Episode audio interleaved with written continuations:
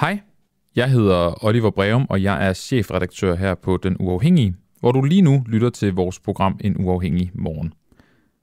Jeg vil bare lige minde dig om, at øh, vi sender live hver morgen fra 7 til 9 på vores app, på vores Facebook-side og på vores YouTube-kanal. I vores app, der kan du ud over morgenprogrammet også lytte til vores andre programmer. De dog kun for medlemmer. Det kunne være programmet Boraki og Pengedoktoren, hvor Camilla Boraki nørder penge og økonomi med den uafhængige økonom Lars Christensen. Der vil løbende komme flere programmer om både politik og journalistik, men du kan altså kun høre dem, hvis du downloader vores app og bliver medlem af den uafhængige. Det kan du til gengæld nemt og hurtigt blive på vores hjemmeside www.duah.dk. En anden god grund til at downloade appen og blive medlem, det er, så slipper du for at høre på mig, hver gang du gerne vil lytte til en uafhængig morgen. Nu synes jeg, at dit ego er ude af kontrol, Christoffer. Det er da ikke min skyld, det var det, der lå på øh, Garsteren. Nå, jeg er her også Camilla Boracchi. Ja. Christoffer Lind og Camilla Boracchi, og godmorgen til alle jer derude klokken lidt over syv. Og det er onsdag den 19. oktober. Ja, vi skal tale med øh, konservative senere, Camilla, i forhold til det her med... Jeg tror, det kommer til at handle lidt om det med overfyldte fængsler, men det er jo det med, at de vil gerne give hårde straffe. Og det er jo sådan noget, som konservative før har slået sig ret meget op på. Eksempelvis, hvis du har begået vold, så skal du have, kunne få en 50% hårdere straf, end du kan få nu. Og så er der jo bare alt det snak om, altså, virker det overhovedet? Er det godt for samfundet, det her? Får man færre kriminelle af det? Der er meget, der tyder på nej. Derudover har vi det her kæmpe problem med overfyldte fængsler.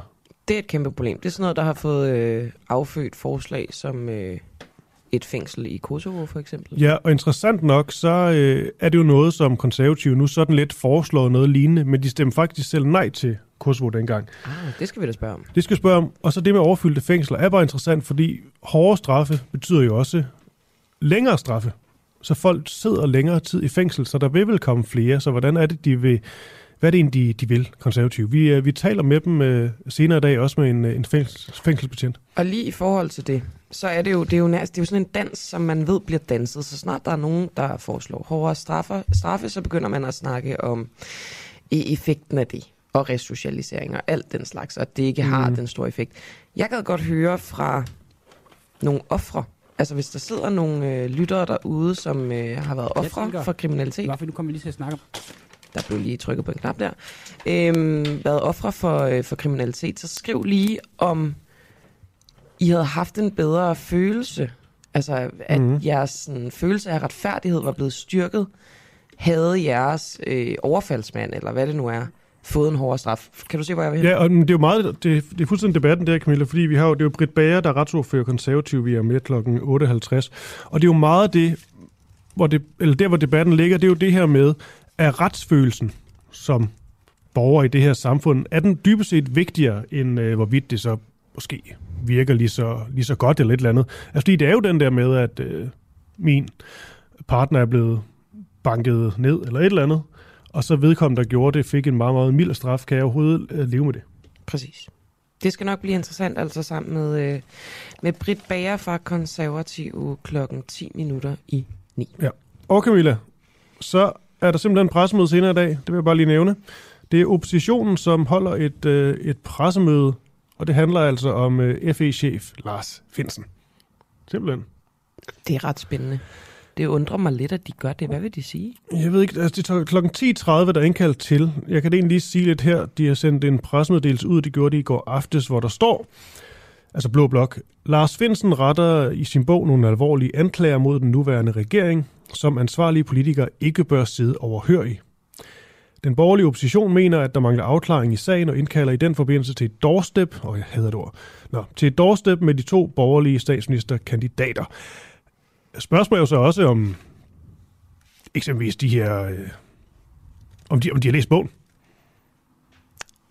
Nej, det må de have. Jeg så, jeg var eksempelvis i, øh, i boghallen alle steder. Der var den selvfølgelig også meget, meget ny bogen, men der så jeg Jacob Ellemann i, øh, i samtale med Lotte, Lotte Folke. Øhm, Fra og, politikken. ja, og hun fik lagt øh, bogen, øh, eller han fik lagt bogen til side, sagde han. Han havde ikke læst en side i den endnu, men alligevel rigtig meget at sige om den. Dybest set baseret på nogle enkelte øh, uddrag, og så det, der stod i, øh, i pressen. Okay, interessant. Det er også måske interessant, om de forholder sig til øh, et meget navngivet øh, del af embedsværket i form af Barbara Bertelsen for eksempel, som jo, øh, som jo bliver beskrevet øh, ikke sådan videre pænt mm. i denne her bog.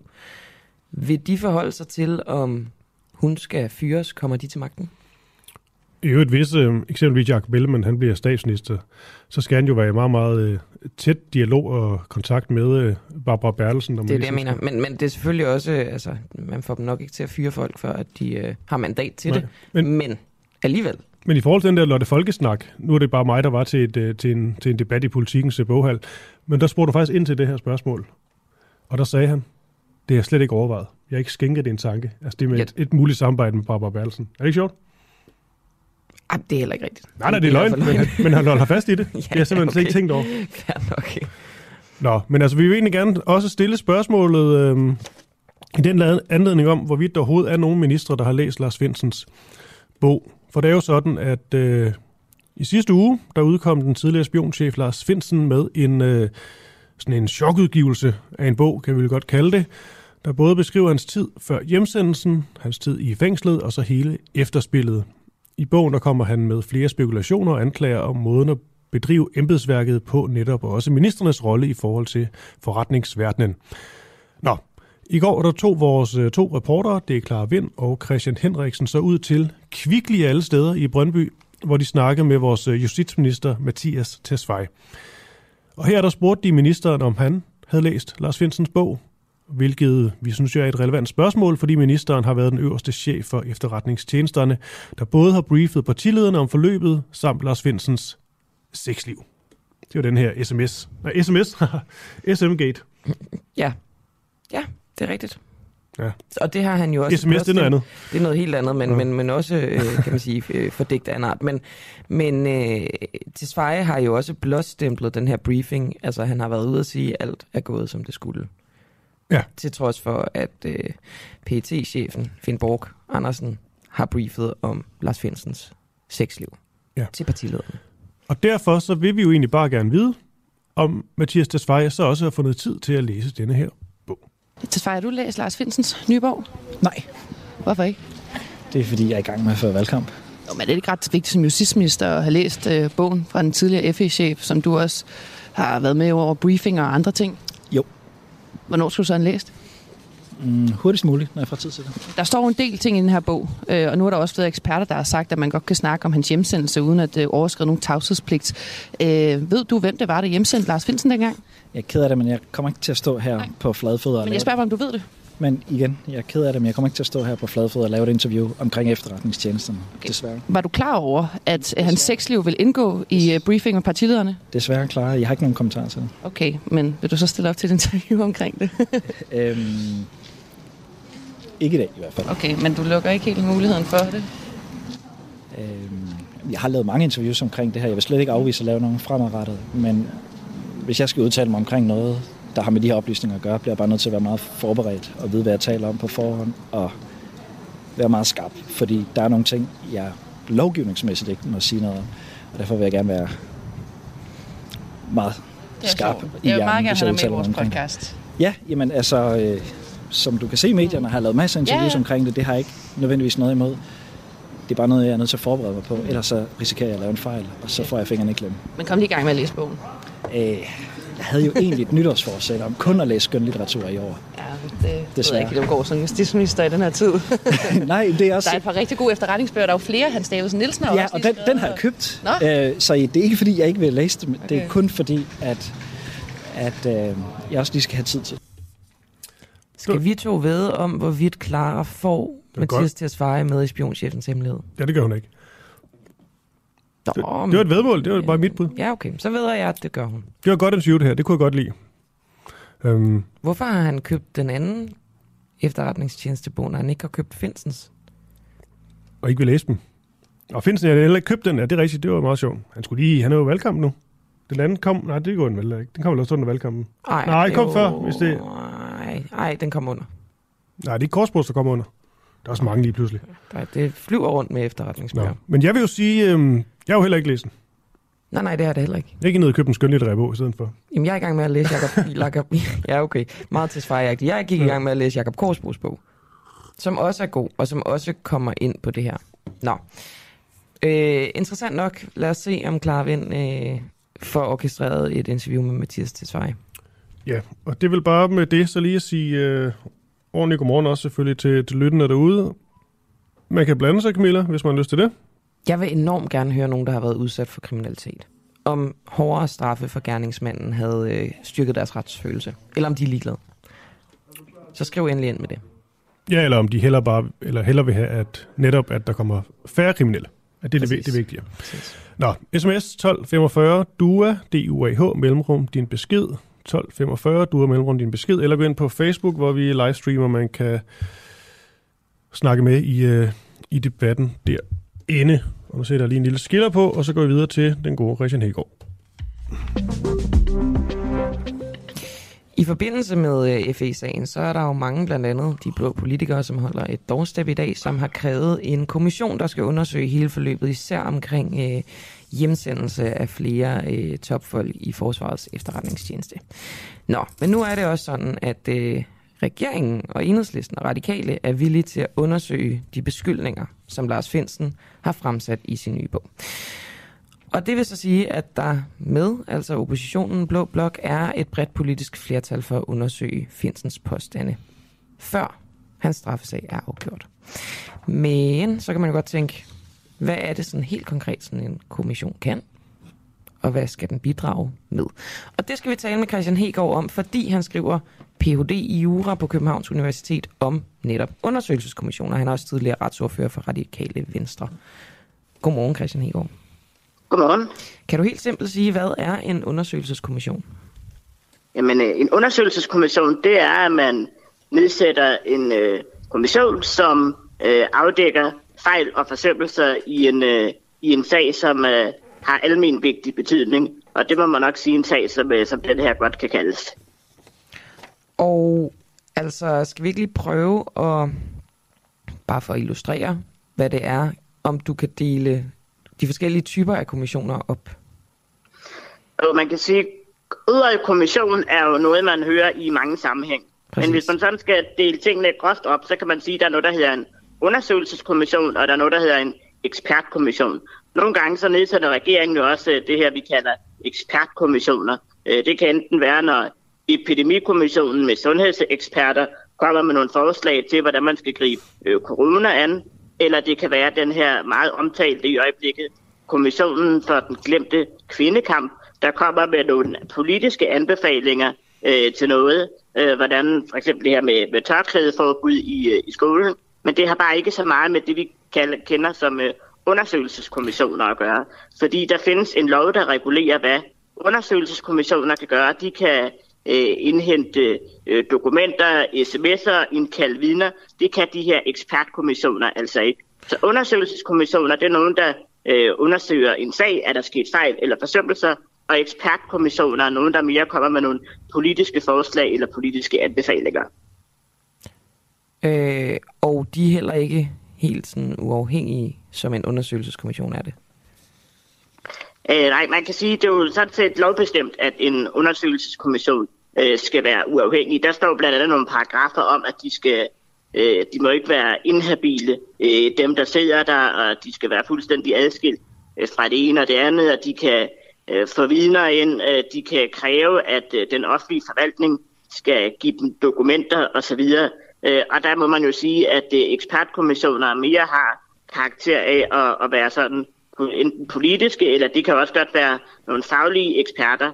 Øh, det er så lidt afhængigt af, hvordan en regering øh, sammensætter dem, men det er i hvert fald øh, to forskellige ting, selvom man godt kan forstå, at når man hører ud af kommission, så kan det lyde ens. Det skaber en del forvirring, tror jeg, i den brede befolkning. Men så er det jo godt, at øh, vi snakker om det nu, Christian Hegård. Er der nogen, som du ser det udfordringer ved at køre en undersøgelseskommission, samtidig med, der kører en retssag? Og her tænker jeg selvfølgelig på, øh, på FE-kommissionen, eller Lars Finsen-kommissionen, eller hvad vi nu kommer til at kalde den. Ja, det der juridisk sådan set ikke noget til, til hænder for. Man gjorde faktisk det samme for 20 år siden med det, der hed Farum-kommissionen omkring øh, Peter Brikstofte og de ting, der skete i, øh, i Farum Kommune. Det, der selvfølgelig er afgørende, det er, at en undersøgelseskommission ikke kommer til at behandle præcis det, som den her straffesag mod øh, Lars Finsen øh, går ud på. Og der ved vi, det handler noget omkring, hvordan at, øh, han har eventuelt øh, videregivet nogle øh, oplysninger, som han ikke måtte, nogle statshemmeligheder eller, eller noget i den retning. Øh, hvorimod det, man så kan undersøge en undersøgelseskommission, det er, jamen hvorfor blev Lars Finsen overhovedet øh, hjemsendt til at starte med? Hvad var det, der var op og ned i den proces, hvor et tilsyn med efterretningstjenesterne kom med en kritik, som, som han så senere blev frikendt for. Det var nogle ting, der ikke har noget med straffesagen at gøre, så man kan sagtens strikke noget sammen, der gør, at øh, de to ting bliver, bliver forskellige. Og i den her sag med Farum-sagen omkring Peter Brikstofte, der undersøgte man jo i den kommission, hvad var det, der førte til, at alle andre øh, politikere eller embedsfolk ligesom ikke rigtig advarede øh, Peter Brikstofte, hvorimod selve straffesagen om Peter Brikstofte, den foregik så øh, som en straffesag i retten. Hvem sammensætter de her ekspert, øh, undskyld, undersøgelseskommissioner? Er det, øh, er det ombudsmanden, eller hvem er det? Altså Folketingets ombudsmand? Det kommer an på, om øh, altså ekspertkommissioner eller undersøgelseskommissioner. Undersøgelseskommissioner, undskyld, det var mig, der var uklar. Ja, det, det gør ingenting. Øhm, som udgang, det kommer an på, om man vælger, om det skal være en undersøgelseskommission eller en grænsningskommission, som jo er det nye, man har, også har fået. Er det en Hvis det er en under... undersøgelseskommission, en grænsningskommission? Bare lige for at få det på plads. Jamen, den eneste forskel er egentlig, at grænsningskommission, der er det sådan Folketinget selv, der bestemmer øh, kommissoriet og bestemmer, hvem der skal sidde mm. i sådan en kommission, hvorimod en undersøgelseskommission, der er det som udgangspunkt Justitsministeriet laver et udkast til, hvad kommissoriet skal være og hvem der skal sidde i den her kommission. Og det kan jo godt blive lidt øh, yderligere forvirret nu, fordi er Justitsministeriet, er de så involveret i den her sag om med Lars Finsten? Det ved vi ikke rigtigt. Og hvad med statsministeriet? Så kan de overhovedet være med til at lave et sådan kommissorium? Der, der starter allerede sådan nogle indledende svære øh, øvelser, øh, som også gør den her sag lidt svær, fordi hvem skal så egentlig lave det her? det er et meget relevant spørgsmål, om øh, Justitsministeriet skal være inde over sammensætningen. Altså, der er der noget i mig, i min journalistiske hjerne, der skriger nej. Ja, lige præcis. Øh, og det, det er noget der, hvor den her sag er lidt øh, interessant, fordi det vi i hvert fald har hørt fra nogle journalistiske artikler, det er, at de har jo... Øh, der har været nogle måske fortrolige orienteringer i Justitsministeriet om, øh, hvad, hvad tiltalen indeholder, eller måske nogle andre kompromitterende oplysninger om Lars Finsen. Og kan de så være med til at lave et udkast til, hvordan den her sag øh, skal undersøges? Det er i hvert fald sådan nogle indledende overvejelser, man skulle gøre. Der kunne være nogle ting, der måske talte for, at der forelå noget inhabilitet der. Øhm, så så det, det gør, at allerede det her med at lave kommissoriet, sådan set ikke nødvendigvis er helt lige til. Øh, Christian Hegård, nu vil jeg gerne lige skifte spor, for vi skal også tale med dig om øh, epidemikommissionen. Flere af vores medlemmer her på Den Uafhængige har nemlig skrevet til os, råbt lidt højt og henvist til en kritik af den her epidemikommission, som Lars Bøge Mathisen fra Nye Borgerlige er kommet med. Han har faktisk lavet sådan en meget flot grafik på sin øh, Facebook-side. Øh, Lars Bøje, han kritiserer epidemikommissionen for slet ikke at være uafhængig. Og nu skulle jeg spørge dig, om han har en pointe. Det har du i virkeligheden allerede sagt i form af, at en ekspertkommission typisk er politisk. Var epidemikommissionen også det? Så man kan ikke sige, at en ekspertkommission automatisk er politisk. Okay. For så vidt angår epidemikommissionen, så er den jo øh, nedsat sådan, at der er en række forskellige repræsentanter fra forskellige ministerier. Og det er klart, at når der sidder repræsentanter fra ministerier, så er de jo på en eller anden måde øhm, underlagt øh, ministeren, eller i hvert fald øh, på en eller anden måde er det ministeren, der er den øverste forvaltningschef for den, øh, det ministerium, som de repræsenterer. Men Nico, øhm, må jeg lige afbryde dig? Altså, som jeg kan se ja. på, øh, på Bøjes øh, hvad skal man sige, grafik her, så er det jo ministrene, der sidder der i kommissionen, altså Højnække, Kolderup, Tesfaye og Varme. Er det forkert for så? Det er jo ikke bare øh, embedsmænd? Nej, så vidt, så vidt jeg husker, så er det de forskellige departementchefer, der sidder i epidemikommissionen, og de indstiller så, hvis der skal øh, laves et nyt tiltag, så har de så typisk indstillet det til epidemiudvalget, som er et udvalg under øh, Folketinget, som så øh, endeligt beslutter, om der skal være det tiltag, de, øh, de har. Så det vil typisk være, øh, det er de forskellige ministerier, der sidder i epidemikommissionen, og så vil det så typisk være deres øh, departementchef eller afdelingschef, øh, der sidder der. Øh, og så ud fra den faglighed, der er i ministeriet, og eventuelt ud fra det øh, ministeren øh, kan tilkendegive, så øh, kommer de så med det hver især. Der sidder der også nogen fra Sundhedsstyrelsen og kommunernes øh, landsforening, og sammen så kommer de så med de, der kører myndighedernes bud på, øh, hvad der skulle ske eller ikke skulle ske i forhold til coronakonteringen. Mm. Der er jo noget påfaldende, og det er, at øh, kommissionen de var 100% enige om ting, de skulle beslutte eller blive enige om 172 gange i træk. Er det for en kommission et sundt eller usundt tegn? Det kommer an på, hvordan der processen øh, ligesom har været. Det kunne være, at der er nogle ting, hvor de har startet fra, lad os sige, et, øh, og så er der nogen, der har foreslået 100, og så er de måske blevet enige om 62. Øh, altså for at tage et eller andet eksempel.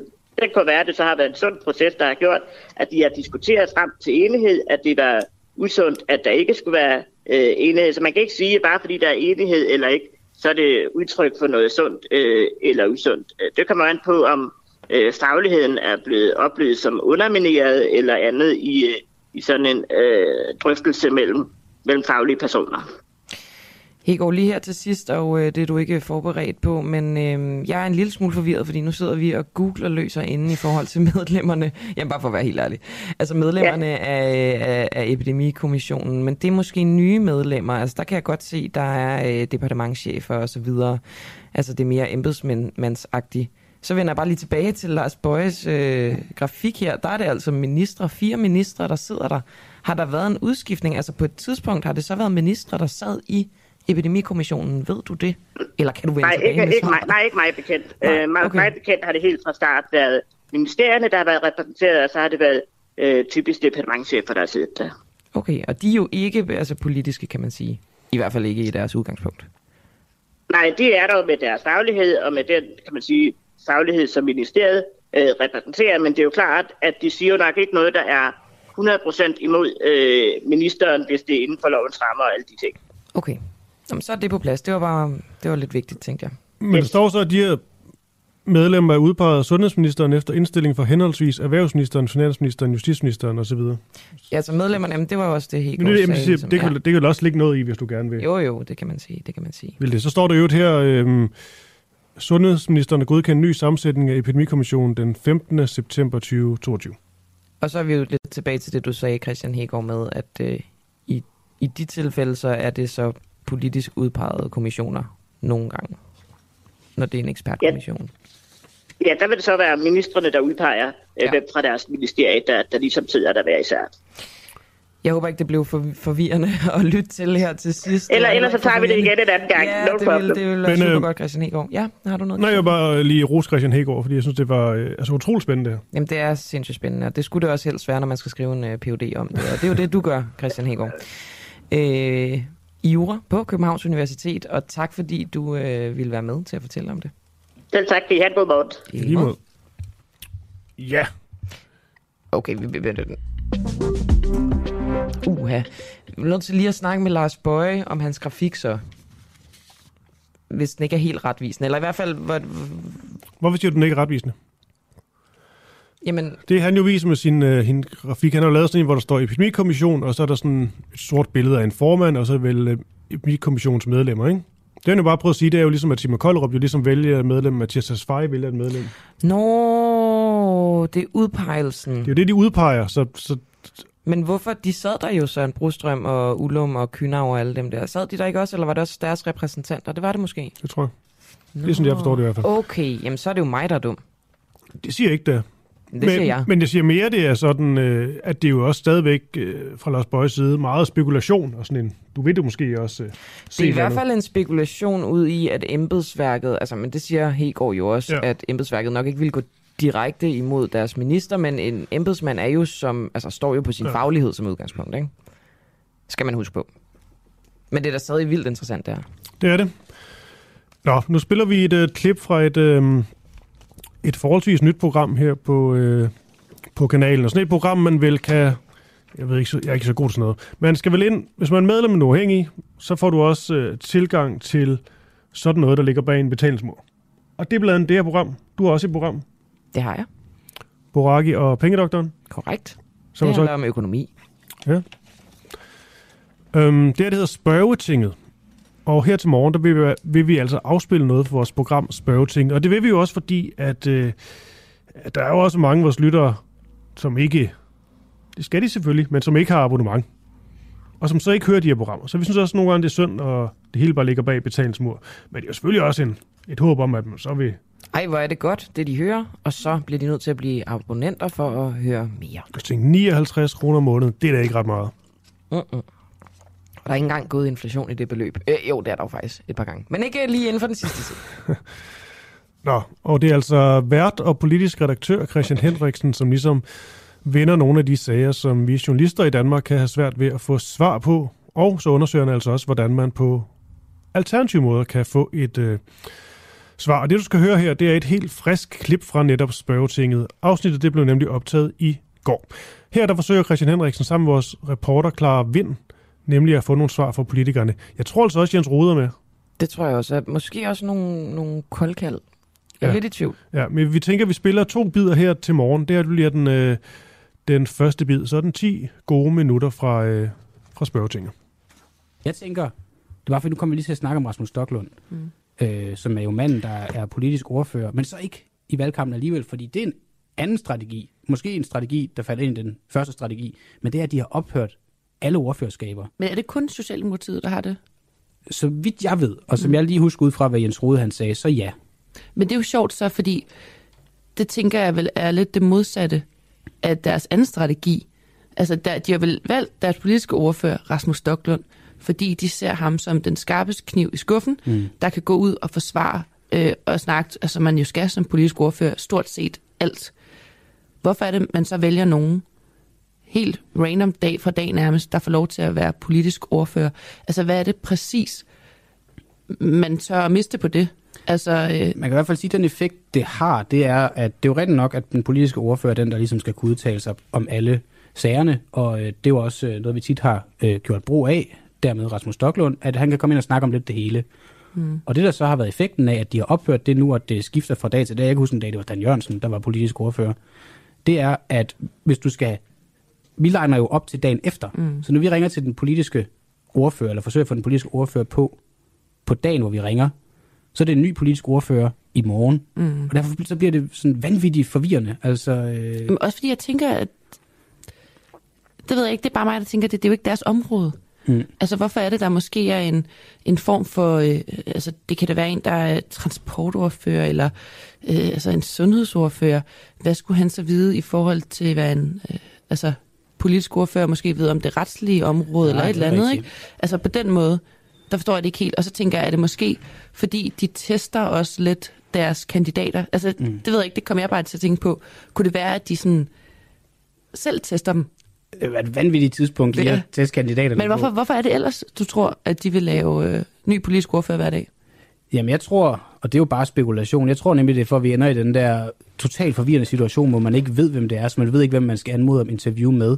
Og så i stedet for, at de får en politiker til at øh, stille op og lave et dårligt interview, og i stedet for, at de så skal sige, øh, nej, vi vil ikke stille op, så bliver det så sløret det hele, at de faktisk ikke har sagt nej til at stille op, men det har bare heller ikke ladet sig gøre, fordi det er så forvirrende. Ja, og det kan også... Altså, okay, nu er det virkelig spekulationer. De får jo ikke skudt i skoene, Nej. At de ikke vil stille op. Altså, nu, nu er det her spekulationer. Ja, ja. Men det kan jo også være, som du siger der med, okay, vi har lavet... Vi har, altså, nu bliver jeg også helt forvirret, fordi som du siger, vi legner op dagen før, så når vi er et par personer med, så er han jo ikke, eller hun politisk ordfører. Og hvis man så skal citere nogen, Mm-hmm. så kan du også nærmest altså, dø på at skulle sidde og finde ud af, hvad er personen egentlig så ordfører nu? Ja. Hvem, hvad skal du sætte den som? Eller Ja, ja. personen som, ikke? Altså det er også fordi, hvis du så ringer til Socialdemokratiets pressetjeneste og spørger, hvem er den politisk ordfører, der er så mange gange, de ikke ved det. Men det er måske det, vi skal gøre i dag. Jeg Spørge, synes, vi skal starte med at ordfører spørge, hvem, hvem er den politiske ordfører i dag? Ja. Øhm, men lad os øh, starte med at ringe til øh, ham, der var den politiske ordfører i går, han har sagt, eller før øh, valgkampen startede. Det er jo Rasmus øh, Stocklund. Noget jeg bare lige vil sige, inden da vi gør det. Hvad du gerne vil spørge ham om? Jeg vil bare høre ham ind til det her system. Altså, Okay, Øh, men jeg har faktisk et og spørgsmål. hvad her. er, hvad er dit ordførerskab i dag? Ja. Altså, jeg har jo prøvet at fat i ham, fordi jeg faktisk, der er nogle ting, jeg gerne vil høre. Ja. Altså, jeg har spørgsmål til Socialdemokratiet. Men, øh, og det er noget, han har sagt, han ikke vil stille op om, eller? Ja, det er jo faktisk øh, det her med, at de gerne vil lave en undersøgelse af FE-sagen. Nå ja, det vil de lige pludselig Fordi gerne. der er en masse spørgsmål, man ikke kan stille Stoklund. Men jeg synes faktisk, at øh, jeg gerne vil høre, for de har vendt på en tallerken. Mm-hmm. I forhold til, før skulle det være efter retssagen. Nu kan de godt få lavet en undersøgelse før. Men vi kan jo her, godt... Øh, Det kan vi jo tage til sidst. hvis vi er heldige, så siger han, at jeg er retsordfører i dag. Og så er han jo den helt rigtige at snakke med det der om. Jeg, jeg er bange for, at han ikke tager telefonen. Han er, jeg, altså, Ja, det kan godt være, at han ikke gør. lad os da prøve. Den skulle i hvert fald meget gerne ringe nu. Jeg kan høre et bip. Det er som regel et godt tegn. Men i værste fald, så skal vi jo mødes med ham på fredag i Stockholm-syndromet. Hvor vi jo har mad med til at spise frokost. Har du tænkt over, at vi skal tage med til ham? Jeg synes, det var en god burger, vi fik sidst. Forrige gang. Den, den der Max Burger. Mm. Den har vi bare haft med så mange gange. Men han kan også godt lide den. Det kan man se. Han bliver rigtig glad, når han har Ja. burger i munden. Du har ringet til Rasmus Stoklund. Ja. Jeg aflytter ikke min telefon. Han kan godt lige sige Rasmus Stokkelund. Ja, og Politisk hvad, hvad ordfører. var han så? Men skal Men- vi så ikke ringe til præstjenesten nu? Lad os ringe til pressetjenesten.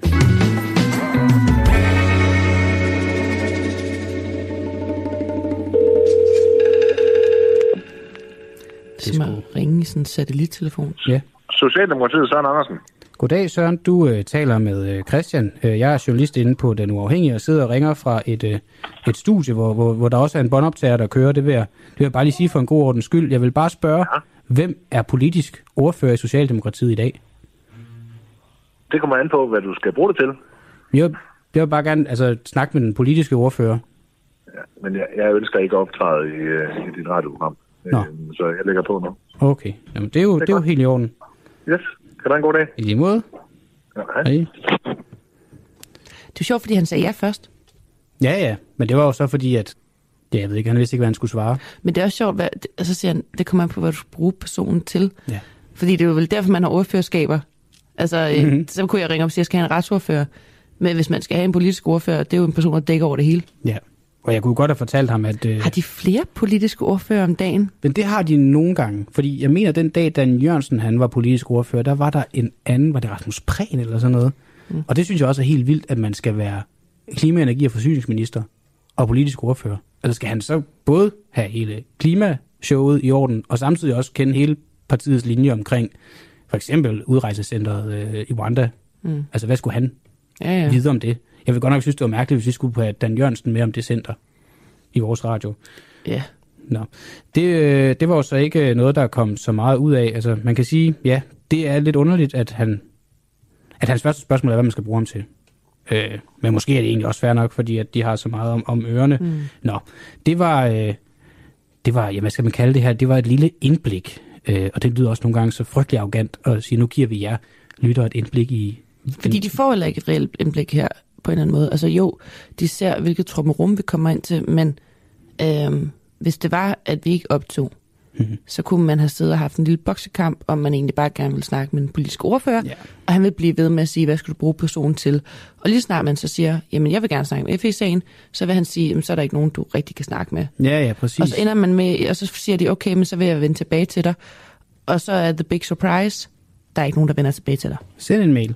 Ja. Det er den, man altid Og får. så kører papiret direkte ud i makulatoren. Men det er rigtigt nok, det her det bliver jo sådan lidt en amputeret udgave af et indblik, fordi vi skal sige, at vi bonder, og mm. det, det ændrer bare spillereglerne øh, fuldstændig, fordi du har helt ret, og jeg har, vi har jo, jeg hørt dig her, men jeg har også selv haft en, mm. nogle hæftige diskussioner nogle gange med de der pressemedarbejdere, hvor at, altså man kan mærke, at de bliver nærmest sure på en, og man bliver sgu også selv lidt sur på dem, fordi Ja, altså jeg har reelt været op og øh, diskutere og skændes. Ja. Altså hvor øh, en, et opkald til en øh, presserådgiver eller en medarbejder kan tage, øh, altså jeg tror, jeg har været 20 minutter i telefon med en.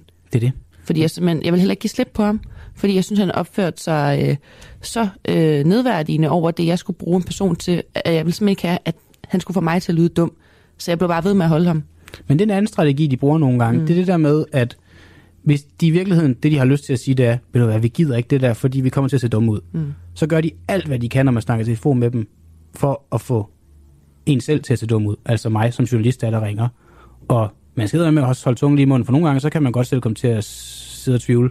Er, er jeg en idiot lige nu? Hvorfor er det, vi ikke ringer til Jens Rode og stiller ham nogle af de her spørgsmål, jamen, det også kunne vi da også før? godt.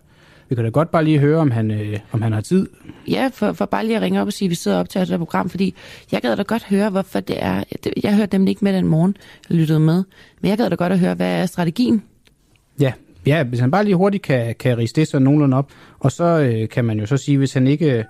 Hvis han ikke lige tager den, så kan vi jo bare spille en, en lille snas af Jens Rodes øh, kommentar, som han gav i øh, morgenudsendelsen. Jeg kunne forestille mig, at han havde den på forstyr ikke, fordi mm. det første opkald det. Hallo? Hej Jens Rode, det er Christian ind fra den øh, uafhængige her. Hej. Det er fordi, at, at vi snakkede jo om det i mandags i radioen, men jeg, jeg laver en podcast ja. ved, ved siden af det her her på Den Uafhængige, og jeg har klaret ja. ind inde i studiet. Hun har ikke hørt med i mandags, og jeg tænker, der er nok også nogle lytter, der ikke har. Så nu får du lige ja. øh, klar, og så vil hun lige øh, spørge dig om nogle ting. Jamen, jeg tror bare, øh, jeg gad godt, gad godt at høre dig, Jens, hvorfor det er, at Socialdemokratiet benytter sig af den her strategi. Altså, øh, hvad er det, der kunne være så farligt ved og øh, altså, hvis politikerne sagde noget forkert, kunne det virkelig rykke nogle stemmer? Altså... Det, som, jamen det, som han helt åbenlyst vil forsøge at undgå, det er, at man skal ud og lave undsigelser, eller at der kommer historier om større uenigheder i Socialdemokratiet. Det er jo en kendt sag, at der er på områder som for eksempel udlændingepolitikken, i Rwanda-projektet, er øh, dybe sprækker i Socialdemokratiet. Og jeg tror, at man her øh, sikrer sig, at man i valgkampen styrer kommunikationen, så der bliver mindst mulig fejl. Men det er uden fortilfælde i dansk politik, at et parti gør tingene på den måde. Det må man sige, det er spektakulært. Er det kun Socialdemokratiet, der gør det?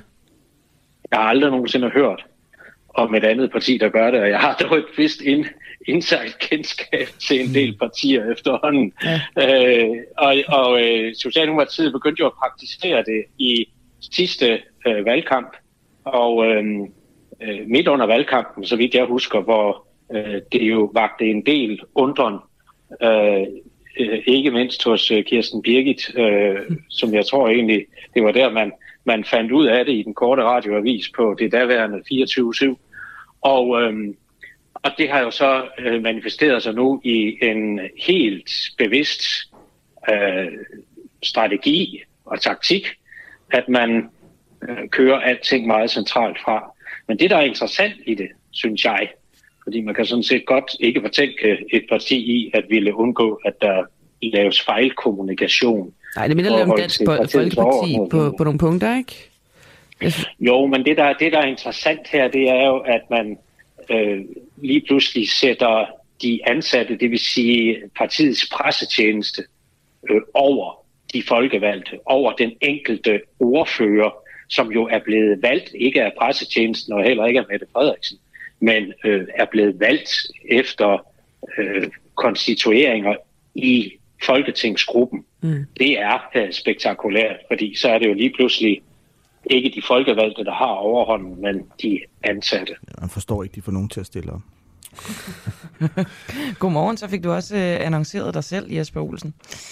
Du er formand for Transparency International, og vi kan måske lige hurtigt, inden vi går videre, og sige, at det her var et klip fra spørgetinget med vært Christian Henriksen, som var i samtale med her Jens Rode, som fungerer som politisk kommentator og analytiker her på Den Uafhængige, og Clara Vind, og vi spiller et, øh, et klip mere fra spørgetinget i, øh, i næste time. Godt. Nu øh, går vi tilbage til den her FE-kommission, som øh, jo ligger lige for efter, at regeringen, Enhedslisten og Radikale nu er villige til at undersøge netop de beskyldninger, som tidligere chef for Forsvarets efterretningstjeneste, Lars Finsen, har fremsat i en ny bog. Og det vil jo så sige, at der sammen med Blå Blok er et politisk, øh, bredt politisk flertal for at undersøge Finsens påstande før hans straffesag er afgjort. Og det er det, vi skal snakke med dig øh, om, Jesper Olsen. Velkommen til. Tak skal du have. Du er også, udover formand for Transparency International, ekstern lektor i offentlig ret. Mener du, at øh, sådan en her kommission kan oprettes, inden retssagen er færdig, uden at de to ting vil påvirke hinanden? Ja, det mener jeg godt, det kan. Og øh, det er jo fordi, de to ting har øh, to forskellige formål. Det ene øh, har, øh, og det er straffesagen mod Lars Finsen, det har øh, det formål at finde ud af, om han har begået noget strafbart, og det er en, en del af hele det her sagskompleks. Men hele det her sagskompleks, øh, FE-PET-sagen, den handler jo om rigtig mange ting, og den handler jo sådan set om hele, hvad skal vi sige, håndteringen af forskellige ting, øh, som også jo er rundt om straffesagen, men som ikke nødvendigvis har en direkte implikation i straffesagen, og det mener jeg godt, man kan undersøge. Og jeg mener sådan set faktisk også, at man har behov for at undersøge det, fordi øh, vi har behov for at få genskabt tilliden til den måde, vores efterretningstjenester bliver øh, håndteret på. Håndteret på fra, øh, fra centralt hold, så at sige? Ja. Okay. Øhm, hvordan i så fald, altså øh, når du siger, at det her godt kan lade sig gøre, er det så sådan noget med, at det bliver meget skarpt defineret i, øh, i oplægget til kommissionen, det her skal I berøre, og det her skal I virkelig ikke berøre? Ja, og det, det som jeg synes, der er interessant øh, her de sidste par dage, hvor at øh, der nu er samlet sig et flertal for, at der skal være en undersøgelse, og at undersøgelsen ikke skal afvente øh, straffesagen, det er jo så det der med, hvad er det så, der skal undersøges, og hvad er det, øh, der er formålet med den undersøgelse. Og når jeg sidder og, og lytter på den debat, så kan man jo godt se, at lige i øjeblikket, så er der i gang med at blive puttet rigtig mange øh, temaer øh, på bordet, og, øh, og, og jeg hører til dem, der argumenterer for, at øh, dem er man nødsaget til at sortere i, og man er nødsaget til at finde ud af, hvad det er, man vil opnå med den der undersøgelse. Fordi det er på en eller anden måde meget, meget nemt at sige, at jeg vil gerne have en undersøgelse, men hvad er det rent faktisk et, vi skal undersøge, og to, øh, hvad er det, vi skal bruge resultatet af den undersøgelse til? Jesper, kan vi ikke øh, blive lidt konkrete, nu du siger temaer? Kan du ikke øh, give mig nogle af de temaer, der skal undersøges, og så måske bagefter nogle af dem, der ikke skal undersøges? Jamen, I min optik, øh, så er der i hvert fald et par temaer, som jeg synes, der er, er rigtig vigtige.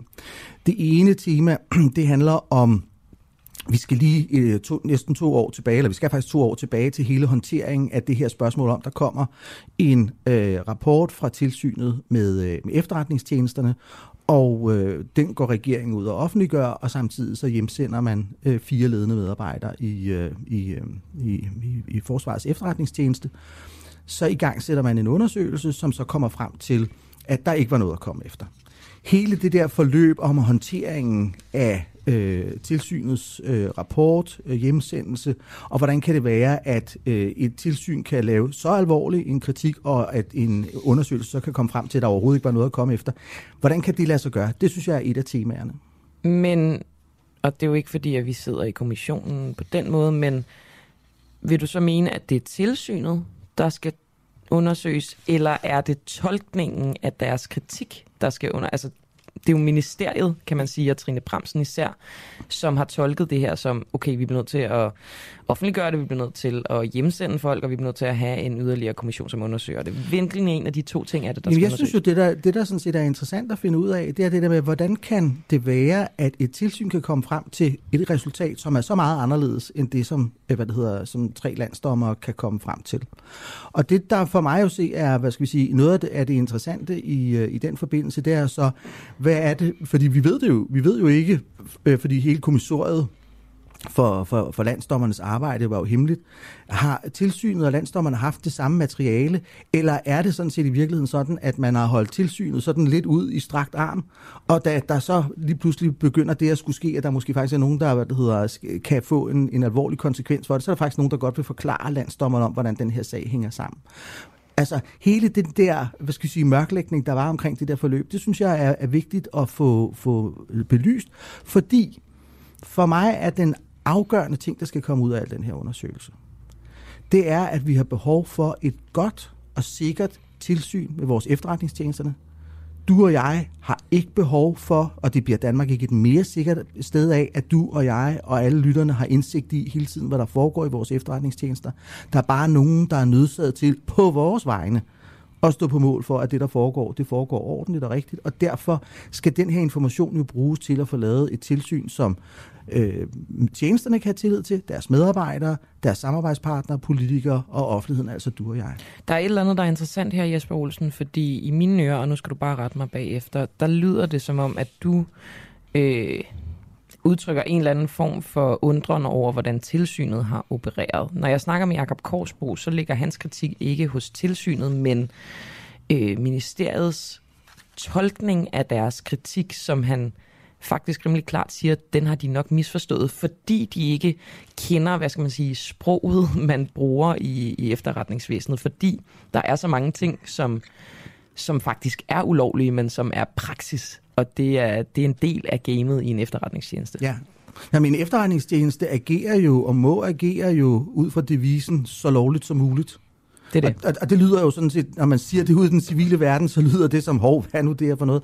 Men det tror jeg bare, at man er nødsaget til at, at acceptere som, øh, som et præmis. Men betyder det, at tilsynet ikke skal gå ind og se på, om der sker ulovlig praksis, men de mere skal se, om det her råderum mellem lov og ulovligt, det ikke bliver misbrugt? Jeg hører jo til dem, hvad det hedder, der, der, der, har, der mener, at det værste, man kan gøre ved et tilsyn, det er at holde det ud i strakt arm. Fordi hvis man holder et tilsyn ud i strakt arm, så begynder de i virkeligheden bare at finde på. I mangel af bedre. Så derfor er det vigtigste ved et tilsyn og samarbejdet mellem myndigheder og tilsyn, det er jo sådan set at gøre tilsynet bedre, altså kvalificere dem, forklare dem, hvad det er, der foregår. Og det er jo, det er jo den ene af de ting, som Men er der i peger pilen jo på FE. Ja, det gør den. Og det mener jeg sådan set også, hvad det hedder, at, øh, at, man, er, at, man, er, at man er nødsaget til at gøre. Fordi hvordan er det, at de har, hvordan er det, de har samarbejdet med, øh, med tilsynet? Så det er det ene. Og det andet, som jeg siger, det er, at i de situationer, hvor en efterretningstjeneste har foretaget sig noget i den der gråzone, som du kunne kalde så lovligt som muligt, der, det kan jeg sådan set i virkeligheden godt acceptere, hvis de ikke putter med det. Og der mener jeg jo, at så skal man gå til tilsyn og sige, det er der så sket, og så kan tilsynet sige, sige ja, men det ser hvad det hedder, fornuftigt ud. Vi kan godt se, at I ikke har varetaget private interesser, I har varetaget Danmarks interesser. Og så først, når man, om jeg så må sige, og, og, og så længe de rapporterer det, så er jeg jo i virkeligheden tryg. Fordi så kan de jo så på et tidspunkt sige, at nu ser det ud som om, at der er ved at tegne sig et dårligt mønster, og der er noget, vi er nødsaget til at se på her. I øh, Formedie Ræson har du skrevet, som jeg også nævnte, en, øh, en kommentar. Der siger du, at vi kan ikke vente flere år på undersøgelsen af FE-sagen. Og det handler meget om, at det her med, at øh, vi kan simpelthen ikke vente på, at der går flere år, før det sidste punktum er sat, øh, groft sagt. Men altså, handler det her om, altså om tid? Er det, er det det, det handler om? Jeg føler bare, det handler om mere end det. Det handler om øh, tid, og det handler om tillid. Ja. Og, øh, når Men fordi man... tilliden, der tænker man, det er vel, det er vel domstolen. Ja, domstolen er en del af det. Mm. Men der er jo rigtig mange i den her debat, som har sagt, hvad der, har vi ikke respekt for domstolen, og nu må domstolen arbejde. Jeg har meget stor respekt for domstolen, jeg har meget stor tillid til domstolen, men det er også derfor, jeg på det første spørgsmål, som Camilla siger, mm. det er jo, at hvad det hedder, den her sagen og straffesagen mod Finsen, det er jo kun en del af et større sagskompleks. Ja. Og derfor mener jeg jo sådan set godt, at man kan undersøge nogle af de ting, som der ikke indgår i straffesagen. Fordi når straffesagen er overstået, og det siger jeg jo med det forbehold, at vi ikke ved så meget. Nu har Berlingske Tidene i dag så en, en stor historie om, øh, hvad der nok også står i det der anklageskrift. Men der bliver jo sådan set i virkeligheden bare bekræftet i, at straffesagen, den omhandler jo ikke det hele. Og rigtig meget af det, som har betydning med mine øjne for, hvad det hedder, for tilliden, det er den der måde, man håndterer det på. Hvis man spørger folk, der har forstand på, hvad der har betydning for tillid til, øh, til, til myndighederne, så er det jo det der med, at man har robuste procedurer, at man behandler øh, lige tilfælde ens, øh, at der er den nødvendige kontrol osv. osv. Og det er det, som jeg synes, der er behov for at få genskabt. Men i forhold til det med, med tiden, er det simpelthen fordi, du føler, at det går, det, det går for langsomt? Ja, og, øh, hvad det hedder, og det handler jo sådan set om, at øh, det, der, det der, der jo kan, kan, kan ske via, at der skal gå for lang tid, det er, at enten så bliver vi ved med hele tiden, at der bliver ved nye ting op. Så bliver der skrevet nye bøger. Øh, der vil være, hvad det hedder, øh, journalister, der hele tiden, hvad det hedder, står foran, hvad det hedder, øh, der hvor retssagen kommer til at fungere. Øh, der vil være kilder, man har behov for. Der vil hele tiden være nye historier. Vi holder på en eller anden måde en historie i live. Det tror jeg ikke, hvad det hedder, er særlig godt. Den anden ting, der kan komme ud af det, det er jo i virkeligheden, at, at folk bliver apatiske. Altså, og så dermed får vi jo i virkeligheden sådan, det er jo, det er jo også lige meget, vi kan jo ikke have tillid til det, myndighederne foretager sig. Mm. Og jeg plejer bare gerne at sige det sådan lidt, lidt, lidt alvorligt. Jeg vil have at leve i et land, hvor jeg ikke har tillid til det, der foregår i vores efterretningstjenester, og det, der foregår i vores... Mm. Øh, Men jeg tænker så, trods af, at, at der dog vel også noget, noget tillid forbundet med, at det måske netop tager lang tid, fordi så er man grundig. Men du kan også være så grundig, at, hvad det, hedder, at det kommer til at tage, tage, tage for lang tid. Et af skrækeksemplerne på sådan nogle kommissioner, det er jo den... Men det kan vel også gå for stærkt? Øh, ja, men er et år for stærkt? Og det er derfor, vi kommer tilbage til det spørgsmål, som Camilla stillede mig lige for et øjeblik siden, hvor vi, hvor vi hvad det hedder, var i gang med at tale om en af de elementer. Det er derfor, jeg siger, at lige nu er vi i gang med at lave en undersøgelse, som bliver så bred, og så kommer til at tage så lang tid, at man må spørge sig selv, hvad skal den her til for?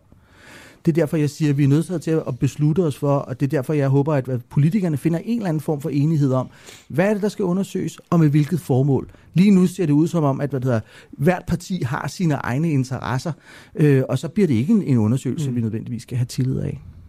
Hvem skal udpege, altså med dine briller på, du er, øh, du er formand for Transparency International, så jeg går ud fra, at du går op i det her med, hvem der sidder i kommissionen. Hvem skal udpege dem? Jamen det mener jeg jo sådan set, at vi har et ret godt øh, hvad det hedder, system til, som for eksempel da man sammensatte Grænskningskommissionen om hele Mink-skandalen. Ja, der skal være en dommer, der leder det. Det, det udpeger domstolene. Så skal der som regel også være en, øh, en universitetsprofessor øh, øh, eller en med særlig indsigt i det. Det gør universiteterne. Og så, og så er det jo en forudsætning, advokat, undskyld jeg... Og så kommer advokatrådet med Ja, undskyld, derfra. jeg afbryder dig, Jesper, men øh, vi har lige snakket med Christian Hegård, og han siger, at det er jo en forudsætning, at det så i så fald er en grænsningskommission. Ja. Så det er også øh, dit budskab, kan man sige. Det, det er mit budskab, fordi jeg synes jo, at vi, vi i det her land er vi simpelthen nødsaget til at hvad det hedder, kigge på de værktøjer, som vi har. Det, der er ligesom sådan en tendens til, at hver gang vi har et eller andet, der skal undersøges, så skal vi opfinde noget nyt. Hvorfor ikke hvad det hedder, tage det, vi, øh, de, de modeller, som, øh, som vi kender? Hvad tænker du her til sidst om øh, den måde, øh, Blå Blok har modtaget alt det her på, og, og de ting, som de er øh, krævet og, og kommenteret? Nå, men jeg synes jo, at det tilkommer jo altid den til enhver tid siddende opposition at have den rolle og hvad skal vi sige, være, være kritiske og kontrollere den til enhver tid siddende regering det jeg også bare siger, det var det, jeg prøvede at antyde lige for et øjeblik siden, at, at øh, vi skal også bare passe på med det her, at vi kun varetager snævre partipolitiske interesser, fordi lige nu er der valg. Altså, og det er derfor, jeg faktisk også mangler fra, fra Blå Blok, øh, en, en, hvad er deres formål med den her undersøgelse? Hvad er det, de skal bruge de her? Øh, Men skal de ikke bruge det til, det samme som dig i virkeligheden? Jeg synes ikke, jeg, det, jeg synes, jo, for det første det med tilliden, men jeg synes i virkeligheden også, at det der med, at man skal altid, når man starter sådan noget her, så skal man også have en landing landingsbane. Hvor er det, det her det skal lande henne? Og for mig handler det her om, at der er nogle ting, vi skal have afdækket i håndteringen af øh, hjemsendelserne. Hvem besluttede at i gang sætte den her voldsomme overvågning? Hvilken rolle har Justitsministeriet spillet i forhold til, at den tidligere minister sagde, at han bare var et gummistempel? Altså sådan, at, at PET og ikke har overtaget hele kontrollen med FE. Og så er der hele det spor, der sådan set handler om øh, den rundtur, som øh, PET og FE var i danske medier. Der er ligesom, for mig at se, er der sådan fire ting, som alt sammen skal føre frem til, at vi skal kunne have et ordentligt tilsyn. Og mangler du det fra Blå Blok, at det er det specifikt, de kræver? Ja, det, det synes jeg, hvad det hedder. Jeg synes, det mangler, fordi lige nu virker det på mig som, og det kan være, at jeg gør dem uret, men lige nu virker det sådan set som mig som om, at man sådan set i virkeligheden bare virvler en hel masse op. Jesper Olsen, jeg tror, at øh, det var det for nu. Du skal have tusind tak, fordi du stillede op og kom forbi studiet. Du er formand for Transparency International og ekstern lektor i offentlig ret. Velkommen. God dag. God dag.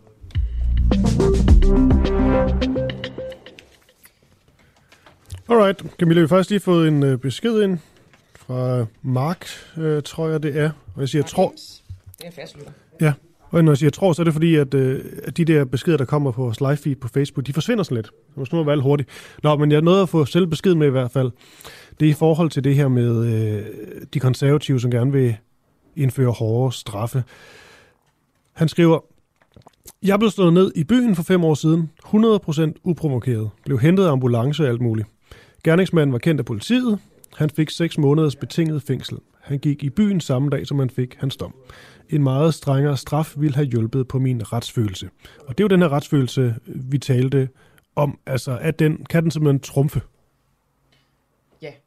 Hov, jeg, jeg synes ikke rigtig, noget lyd på dig, er den? Nej, det synes jeg egentlig heller ikke.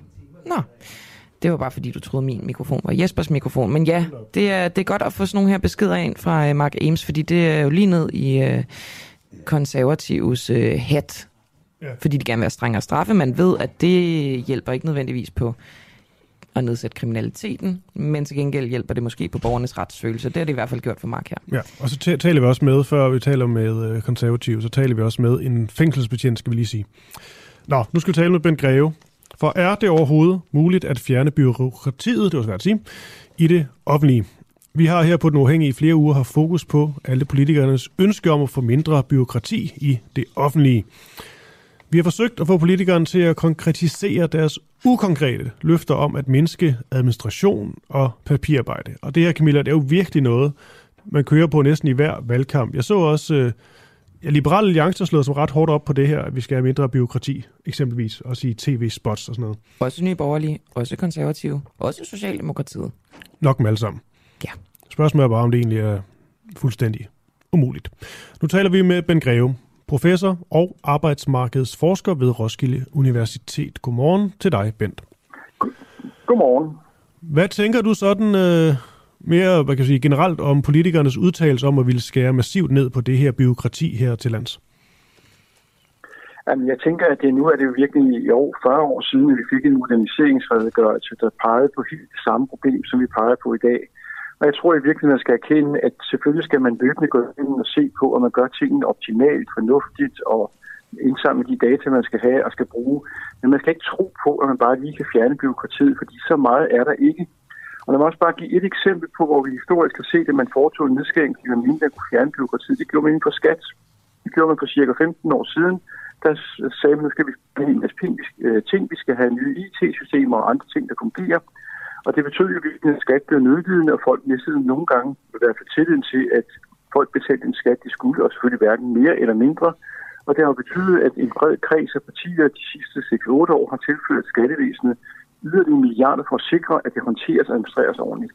Så det er sådan bare et eksempel på, at det er ikke så enkelt. Det andet, et andet godt eksempel på det er jo den diskussion, man har for eksempel på det specialiserede socialområde, hvor man jo, hvor der, der er både noget retssikkerhed til borgerne, men også en sikkerhed for, at borgere, der har, er i samme situation, kan behandle en. Så det kræver nogle gange, at man har noget skriftlighed og noget, noget forklaring på, hvad der rent faktisk skal bruges på, på de her områder. Og endelig så er der altså også noget af det, som man kalder byråkrati, der er med til at planlægge og sikre, at tingene fungerer.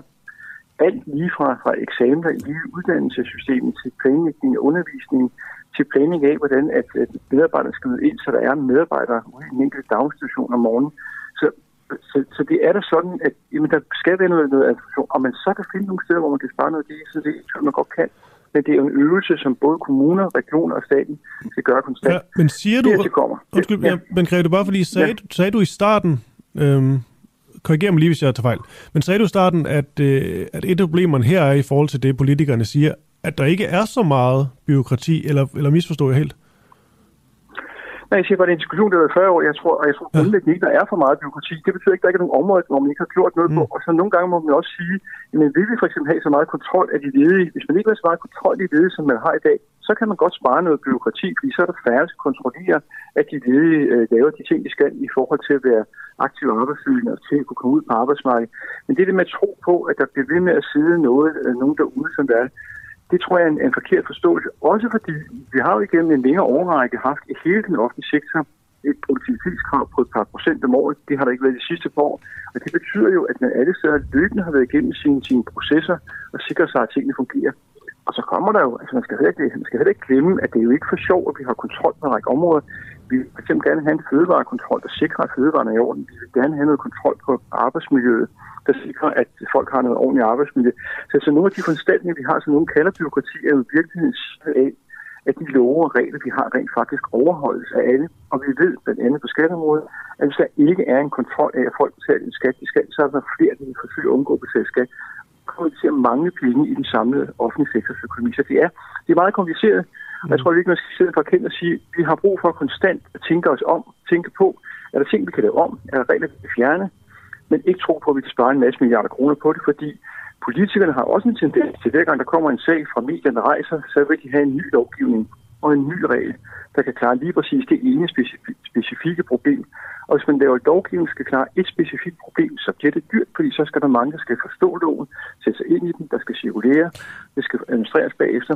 Så jeg mener, også det politiske system har et vist ansvar for, at noget af det byråkrati, man måske kan sige, der er, det hænger sammen med, at vi nogle gange laver noget meget kompliceret lovgivning. Bent, vil det her, du taler om med, at der bliver lavet meget lovgivning, hver gang politikerne ser en eller anden sag, vil det kunne løses med for eksempel konservativs, så vidt jeg husker, bud om, at øh, hver gang der kommer en regel, så, øh, så skærer man to regler? Det vil det ikke, og det er sådan et, et populistisk, en bedste vurdering populistisk forslag, fordi man kan ikke på forhånd sige, at man skal fjerne en regel. Nu så skal man jo undersøge, om det er en fornuftig regel, man har. Det er for eksempel en fornuftig regel at fortælle folk, at hvis de er utilfredse med en afgørelse i hele den offentlige, i hele velfærdsstatens måde at fungere på, så er der nogle klagemuligheder. Den regel kan man jo ikke fjerne, og der Altså, jeg kan jo ikke sige, at der ikke er overflødige regler. Øh, men man har jo prøvet forskellige gange at blive både borgere og kommuner og regioner til en forslag ind til, at noget man kunne forenkle og gøre det. Og det har man så fuldt nogle af, og nu har man må sige, at der er nogle gode grunde til, at vi har de her regler. Så det, det, det, mit problem her er i virkeligheden at sige det, jeg, skal, jeg siger på en måde, det er ikke så enkelt, som folk tror. Det bliver sådan, sådan en lidt populær måde at sige på, vi kan godt spare nogle penge der for at få penge noget andet. Og det er ofte også en, en modsætning mellem forskellige medarbejdergrupper. Fordi der sidder ude på den enkelte institution, er der selvfølgelig nogle ledere, der også skal sikre, at medarbejderne har det godt, tager nogle samtaler med dem, sørger for, at deres godt måske sørge for, at der udbetales løn til de ansatte. Så der er mange funktioner, som man ligesom må sige, de er en del af en arbejdsplads, uanset om den er offentlig eller privat. Bent, øh, vi har jo efterfulgt det her, øh, eller forfulgt det her, øh, efter vi ligesom kunne høre, at det var en go-to for mange politikere her i valgkampen at øh, bruge det som en skattekiste, altså at man kan afbiokratisere. Og så har vi forsøgt at få forskellige repræsentanter fra politiske partier til at konkretisere, hvor øh, den her guldgruppe ligger henne. Og nu vil jeg gerne øh, give dig et konkret eksempel på for eksempel radikale bud på afbiokratisering. Så kan du sige, om der ligger noget realistisk i den model. Øhm, radikale mener, at der er dele af sundhed, sundhedsområdet, hvor der dokumenteres for meget, de vil gerne kigge på, øh, hvor der bruges for meget tid på journalisering, og de mener ikke, at øh, stillinger skal nedlægges. Øhm, det her med at dokumentere for meget på sundhedsområdet, er det noget, man kan skrue på i din optik? Øh, med, med far for, at jeg ikke kender alle detaljer, alle de dokumentationskrav, der er på sundhedsområdet, det skal man passe meget på med, fordi det er også sådan, at hvis man har en læge, øh, der behandler en, så er det rart, at den næste læge kan se, hvad der er skrevet, hvad ved vi i forvejen patienten, hvilke undersøgelser der er foretaget, hvad skal vi gøre videre. Jeg synes, man skal bede lægerne om, øh, deres, de har en til faglig forening, at sige, er der nogle steder, vi kan skrue ned på det, så tror jeg gerne, de vil bidrage med det. Jeg tror, her er det ikke på, at man skal inddrage de faglige specialister på enkelte områder og sige, er der ting, I synes, vi kan undvære her, af hensyn til, hvad ting skal glide. Og her gælder jeg vil sige, at jeg kan godt være, at der er nogle krav, der er for mange af, men man glemmer nogle gange, at det er ofte en, en kæde af processer fra, fra vi sundhedsområdet, fra den privatpraktiserende læge skriver nogle noter, til personer kommer ind på hospitalet, skal behandles og undersøges. Og det kræver, at den, der skal undersøge videre, også ved, hvad ved vi allerede i dag.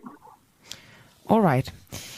Måske jeg lige skal give dig et eksempel mere. Det synes jeg faktisk var lidt sjovt. Øhm, konservative vil skære 8,5 milliarder kroner i administrationsbyråkrati i kommunerne. Ønsker også færre journalister i kommunerne. Og, altså, okay, det, det, det skuer da lidt. Altså, nu er det mit eget fag, der bliver ramt. Ej, det er ikke så meget det, men det er mere, altså, er det, øh, er det realistisk?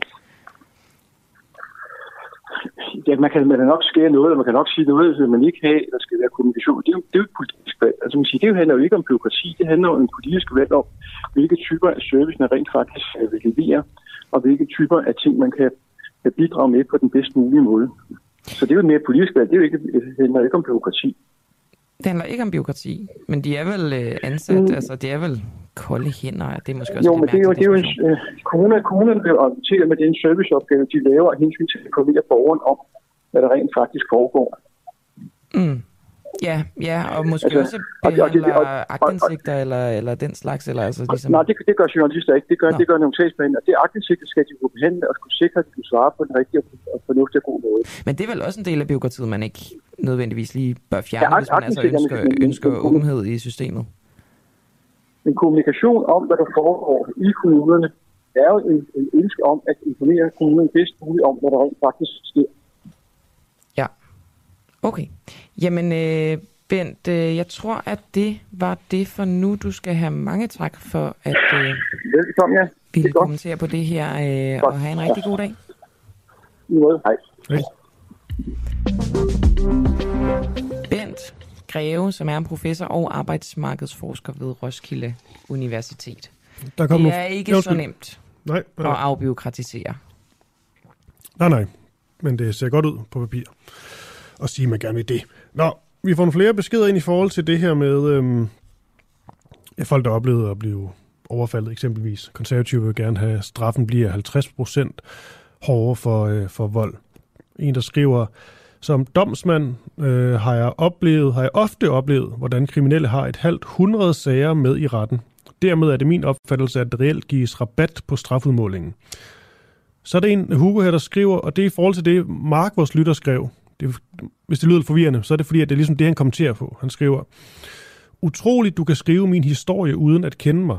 Dog skete mit overfald for godt 10 år siden, men gerningsmanden fik samme straf. Altså en betinget dom på 6 måneder, det vil sige ikke fængsel. Præcis, og blev set i byen samme weekend. Men det er et virkelig interessant sag, det her, for det er jo også, når man selv oplever... Jeg har jo selv blevet banket ned i byen en gang. Okay.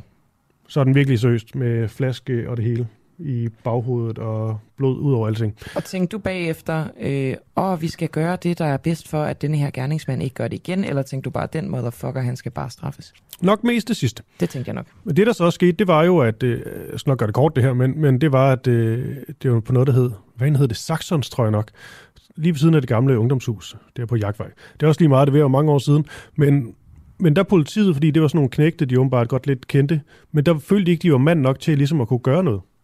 De turde ikke gå derned.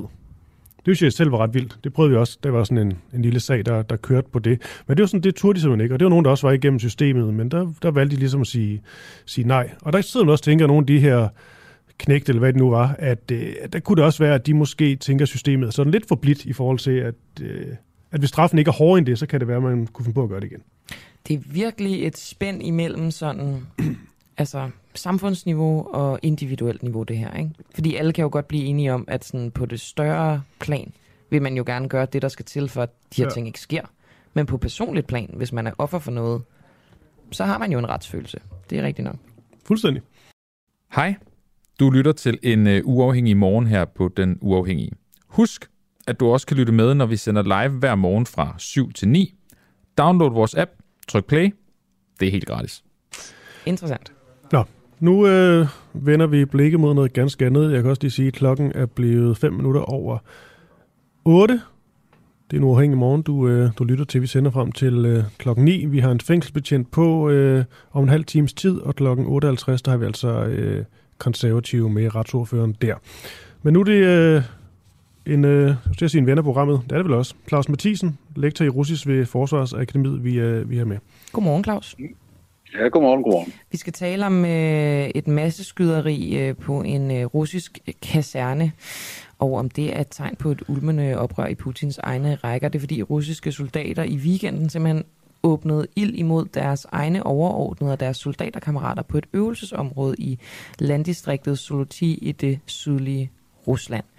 Claus, hvad fortæller det dig, at øh, en sådan hændelse kan finde sted? Jamen, jeg synes jo overordnet set godt, man kan sige, at det blandt andet vidner om det sådan helt generelle kaos, der synes at have været forbundet med den øh, delvise mobilisering, som øh, øh, Rusland har foretaget, og man kan sige, måske oven i det kaos, der var i forvejen på grund af den meget trængte situation i Ukraine. Og det, der synes at ligge bag den her nævnte hændelse, det er jo også nogle etniske spændinger, Ja, hvilke slags spændinger?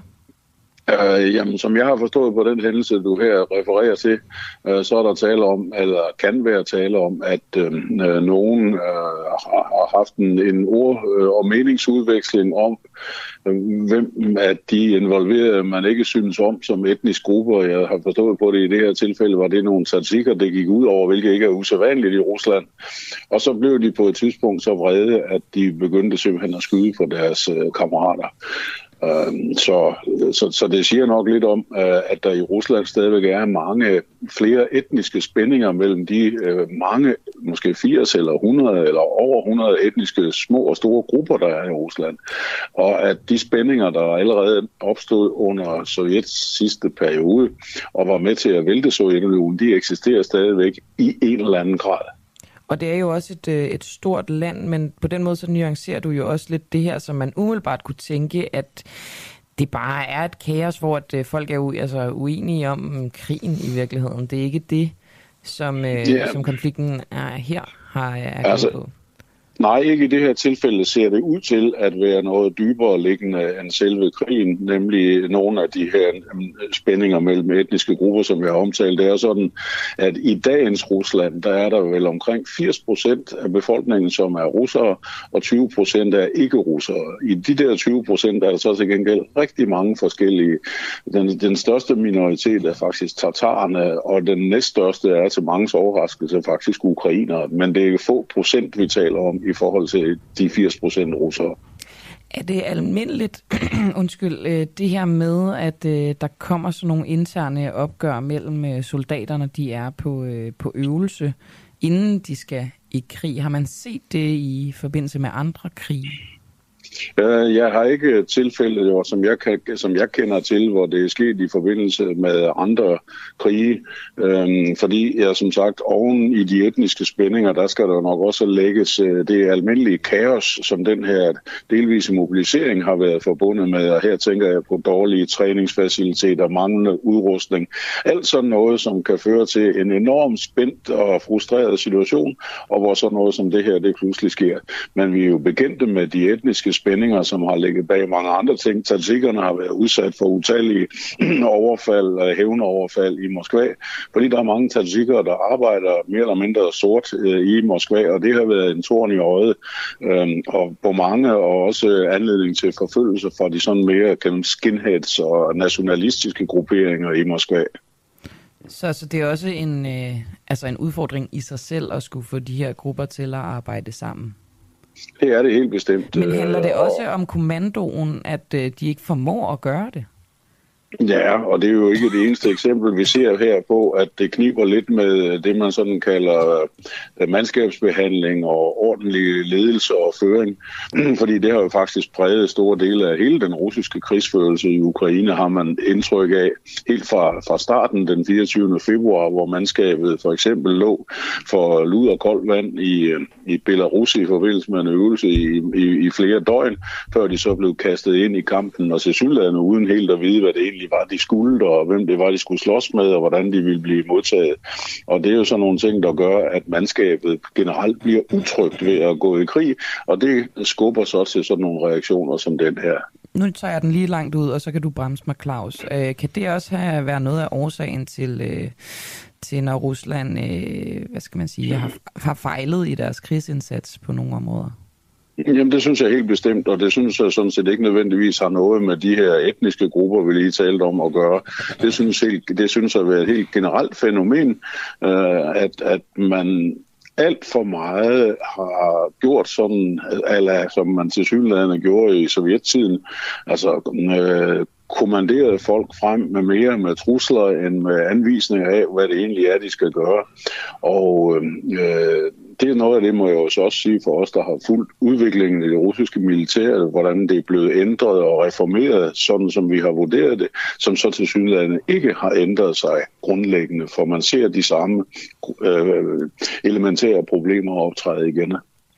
Kan det her afføde øh, lignende situationer, altså den en eller anden præcedens i mangel af bedre ord? Jamen det, jamen det kan det sagtens, og jeg tror, at der er mange situationer, måske ikke lige så alvorlige som den her, men andre lignende situationer, hvor der er sådan almindelige måske slagsmål, og hvad ved jeg, som vi slet ikke hører om, fordi øh, det er bare sådan, den her delvise mobilisering øh, foregår. Så, så, så det er givetvis slet ikke et enkeltstående tilfælde. Det her kom bare op, fordi det blev så voldsomt, og der var nogen, der blev slået ihjel i det.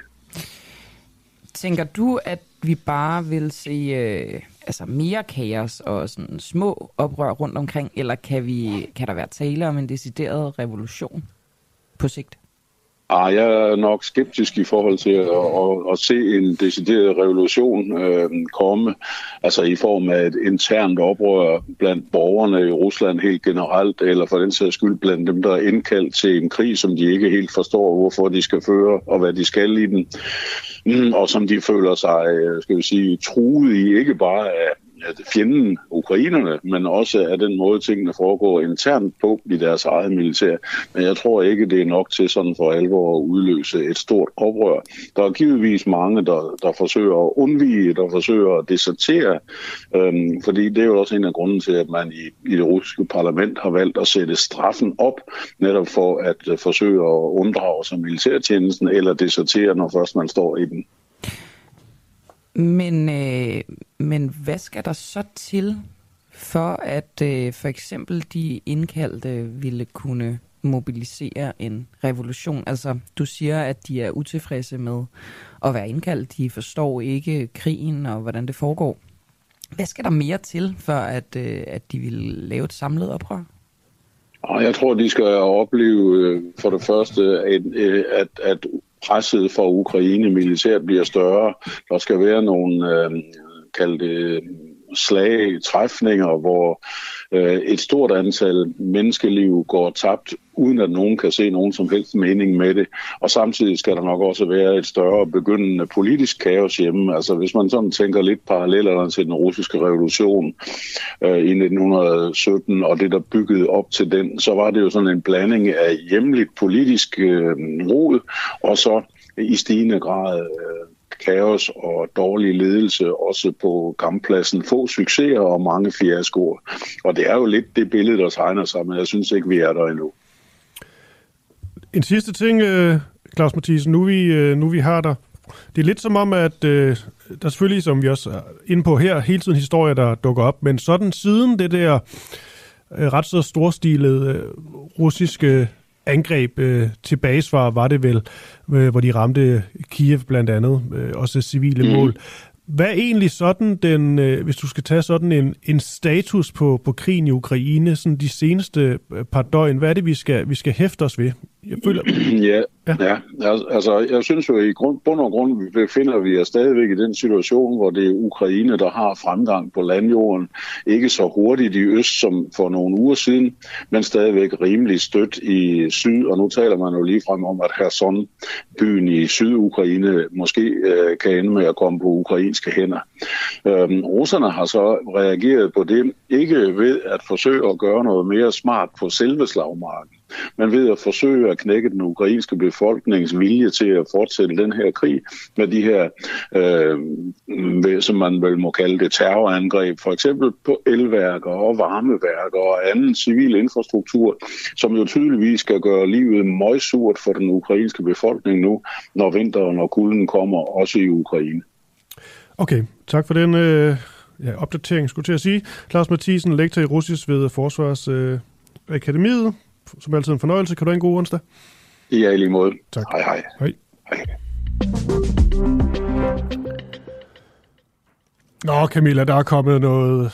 Det er vel ikke breaking, fordi det er meningsmåling, men alligevel. Vil du, vil du sige det højt, eller siger Moderaterne er ifølge den nyeste måling fra Voxmeter, som er foretaget fra Ritzau, det tredje største parti. Hvor er det sindssygt. Hold kæft, mand. Det, det der, man siger med, at Lars Løkke bliver bedre under en valgkamp, det har der aldrig været mere rigtigt. Og du ved godt, jeg vil sige nu, ikke? At han bliver minister? Nej. At... Statsminister, undskyld. Ja, for det, ej, jeg vil bare sige, det er jo bare fordi, jeg er meget glad for, at jeg, jeg kaldte den for virkelig længe siden. Det gjorde jeg også. Jeg ville også på ham, da det var odds 40. Men sagde du det, sagde du det højt, så det er blevet ja. dokumenteret? Nej, der var nogen, der sagde, ham skal du ikke odds på som ja. statsminister. Nu ligger han nede på, sidst jeg kiggede, odds 6, ja. altså, i stedet for odds 40. Altså jeg sagde det i radioen i september, tror jeg nok. Ej, hvor er det godt at have det på bånd. Nå, øhm, 9,2 procent af stemmerne, ja. hvis der var valg i morgen. Og det giver øh, partiet 17 mandater. Noget andet bemærkelsesværdigt øh, ved denne her nyeste måling, det er jo, at øh, Dansk Folkeparti, de kommer under spærgrænsen. Mm. Det skal lige siges, meningsmålinger er meget forskellige, og de ændrer sig hele tiden og med lynets hast. Ja, men det jeg også synes, vi skal hæfte os virkelig meget ved. Fordi det er jo, det er jo vildt, Lars Løkke øh, er ved at lave så vanvittigt comeback. Men noget, man virkelig kan hæfte sig ved her, ikke? det er, at Rød Blok står til 87 mandater, 48,9 procent af stemmerne. Blå Blok 71 mandater, 41,8 procent af stemmerne. Og det er jo igen der, så tænker man sådan bare, at øh, Blå Blok er færdig. Ikke? Men Moderaterne står nu til 17 mandater, 9,2 procent af stemmerne. Og det betyder jo, ja. med, altså alt, og, og det vil sige, der var også nogle målinger i går, altså al sandsynlighed eller alt peger på, tyder på, at øh, moderaterne altså virkelig bliver tunge på vægtskålen, og kan ligesom simpelthen bestemme, skal det være rød eller blå. Og de nægter jo at melde ud, hvad de ligesom øh, er til, groft sagt. Det er bare dem, der kan og det er jo derfor, give dem mest af deres politik nu, nu spekulerer bare lige højt her, ikke? Okay. Jo, jo, der er meget. Altså, mit bud er, Mette Frederiksen aldrig nogensinde vil dele sådan en statsministerpost, eller give den til Lars Løkke. Det var mit bud.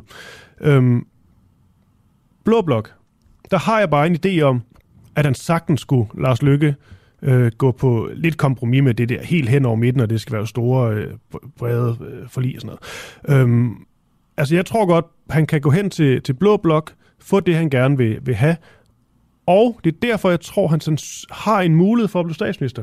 Fordi ved Blå Blok ikke heller... Jeg tror gerne, de vil have magten rigtig meget. Det vil de. Men jeg tror også gerne, de vil ofre Jacob Ellemann for det.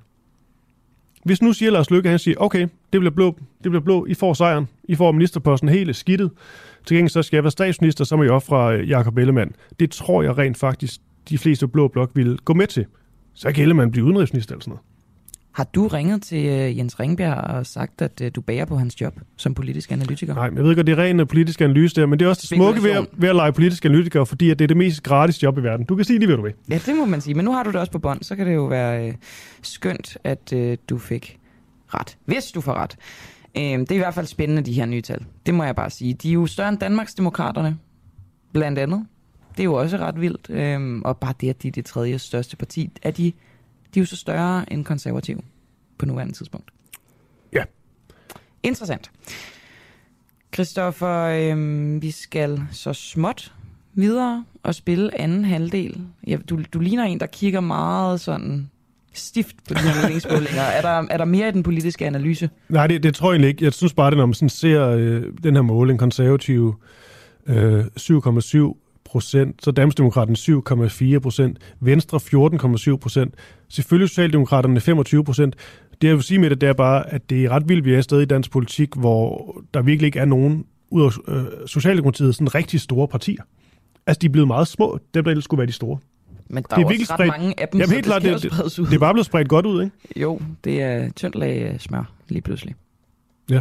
Nå, og DF under spærregrænsen nu også nævnte, og kristendemokraterne, de er på 0,6 procent. Det bliver, det bliver op ad bakke for dem. Det gør det, men til geng... Ej, hvis vi lige skal, skal bare lige som en servicemeddelelse sige, at Alternativet står til 1,6 procent af stemmerne, Fri Grønne står til 0,5 procent af stemmerne. De to tal plusset, det er over spærregrænsen. Hvis man ikke plusser dem... Altså Fri Grønne Alternativet? Ja, ja, så er der ingen af dem, der kommer ind. Nej. Det Til gengæld så øh, Franziska øh, Rosenkilde, hun har fået rigtig meget ros for, øh, for hendes lederskab de seneste par dage, også da hun var inde i, øh, hos, øh, hos Kåre Kvist. Altså der er kommet sådan mere, øh, jeg ved ikke, hvad man sige, styr på alternativet, men også noget med, der er mere sådan konkret øh, med, med tal og frem og tilbage. Det er ikke så flyvs længere måske. Og det kan måske godt være noget, der kan være til deres øh, fordel. Nu stopper den politiske analytiker herovre. Ja, ja du godeste. Øhm, skal vi så ikke spille resten af, af den, det udklip, vi har fra det program, der hedder Spørgetinget? Med jo. Christian Henriksen og Klarvind og Jens Rode. Vi skulle... I hvert fald i sidste klip, der talte de med Jens Rode. Jeg ved ikke, hvad der kommer til at ske i det, vi skal høre nu. Jens Rode er med igen, det ved jeg. Okay. Jamen, øh, så langt så godt. Øh, det er jo ham, vi bruger som faktisk politisk ja, analytiker. Og de taler blandt andet om det her med sådan uh, ordførerskaber, og det her med, at Socialdemokratiet jo sådan lidt har valgt sådan, og her i valgkampen i hvert fald sådan, nærmest skifte de der ordfører ud hele tiden. Hvem der lige er ordfører? Det er så ja, meget underligt alt sammen. rotationsprincip, det gør også, at man har for meget svært ved at lave en aftale med dem. Ja. Skal vi ikke bare høre det, Christoffer? Det synes jeg.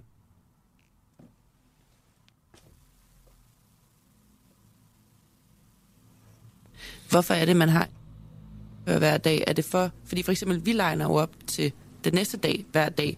Så når vi har personen med, at han, hun, han eller hun jo slet ikke politisk ordfører længere, men hvor, altså, er det en strategi for at forvirre pressen, eller for at give øh, chancen til nogle andre at komme ud? Altså, jeg, jeg kan ikke rigtig se strategien i at have en ny politisk ordfører hver dag.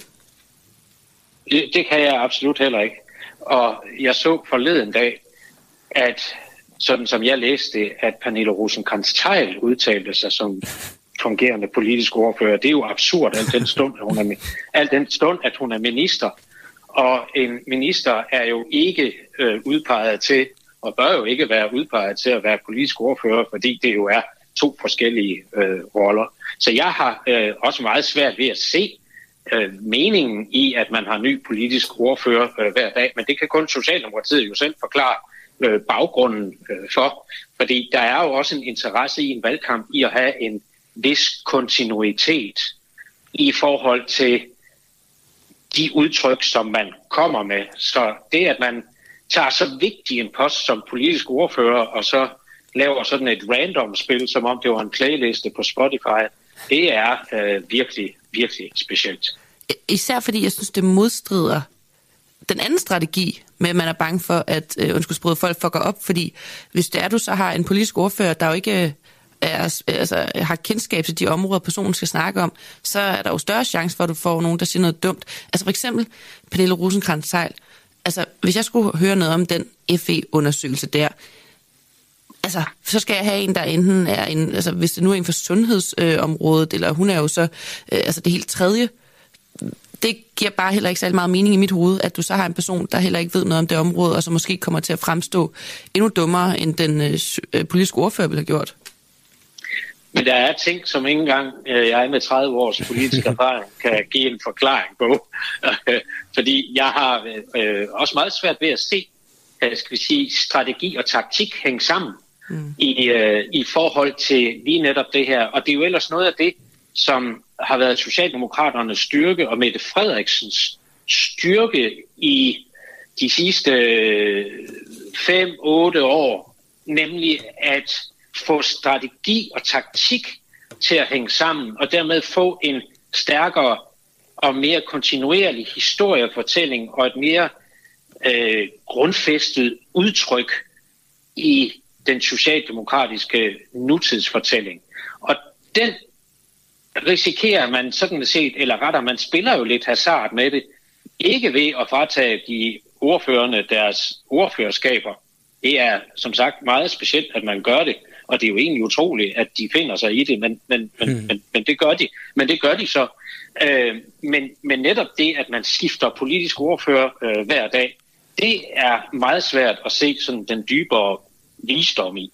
Tror du, at det her med, at de skifter politisk ordfører hver dag, undskyld, at det har en, i forhold til øh, vælgere og stemmer osv., har det en positiv effekt, har det en negativ effekt, eller har det slet ingen effekt? Det kan jeg ikke sige noget om. Altså forløbig kan man jo konstatere, at Socialdemokratiet er kommet ganske godt ind i valgkampen.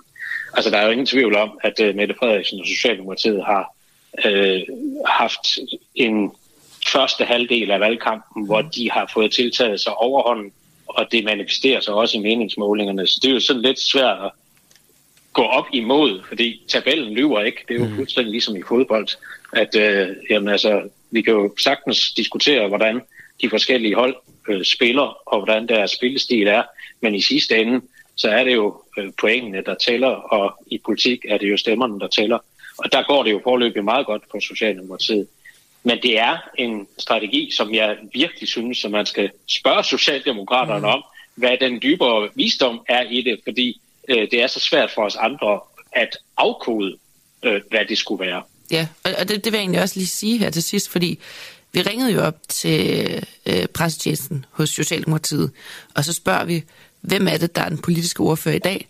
Og så siger øh, pressemanden, det kommer an på, hvad I skal bruge personen til. Hvilket jo er endnu mere forvirrende, øh, fordi vi spørger specifikt den til den politiske ordfører, og ikke øh, den, der bør udtale sig bredt om det hele. Præcis, og så siger han, det kommer ind på, hvad I skal snakke med personen om. Og der ryger man bare ind i sådan en trummerum igen. Jeg ved ikke, har du nogle tips til øh, dem, som sidder ude som journalister, og skal igennem sådan en ordentlig vaskeri her hos øh, pressetjenesten, og hvordan man kommer bedst muligt ud af det? Nej, og hvis man ikke kan få, øh, altså hvis ikke man kan få svar fra den, som man må forvente har en viden om det, det vil sige enten delordføreren, hvor det opfører, ordførerskab, det er jo så ophævet, så er det jo naturligt, at man som journalist henvender sig for at få fat i den politiske ordfører. Og den politiske ordfører er jo for eksempel modsat ministerne uddannet i anførselstegn til at kunne håndtere og svare på alle områderne. Mm. Jeg husker jo selv, da jeg var politisk ordfører for Venstre, altså jeg, hvor, hvor overrasket jeg blev over, at ministre, der sad i deres ministerium, i hvor ringe grad de vidste noget som helst andet end det, der lige foregik i deres eget ministerium. Og det er jo så derfor, man har en politisk ordfører. Det er jo for at have en person, der gider og evner at sætte sig ind i alle områderne. Det, således at man har en kontinuitet og en samlet fortælling, uanset hvilken, øh, hvilket ressortområde det er, så er det jo vigtigt, at det alt sammen taler ind i den samme trakt, mm. for at man får den rigtige affotografering af partiets fortælling. Og det er derfor, det er så overraskende. Det har jo noget med, hvordan personen udtrykker sig på, og hvordan personen læser tingene, om det er miljø eller udlændingepolitik, ind i den samme fortælling.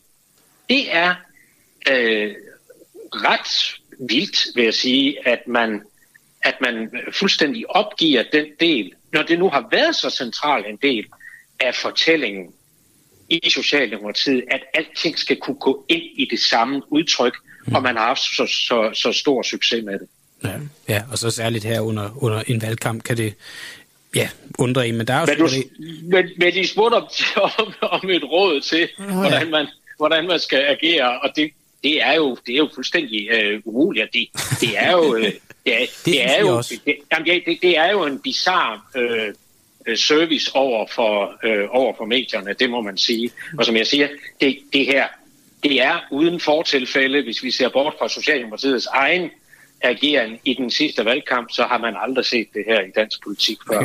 Og øh, jeg vil også sige, både som mediemand, men egentlig også som politiker, jeg håber ikke, det breder sig til andre partier, fordi det er ikke... Øh, øh, jeg, jeg, jeg, jeg er ikke sikker på, at det er fremmende for hverken tillid eller dialog. Man kan i hvert fald sige, at et øh, parti, der slår sig stort op på at afskaffe byråkratiet, at man så indfører et, øh, et så byråkratisk system i, i egne rækker, det, det kan virke absurd. Men uh, Jens Rode, tak fordi, at, at du, var, du var med lige her ja. igen. Det, du er altid en, en, en, en, en hyggelig fætter at snakke med, og du er vores politiske analytiker og kommentator, så det var nogle, nogle vel sagte ord. Du ja. må have en god dag. Tusind tak. Det, det, det, det er godt at være en god fætter til den uafhængige. ja.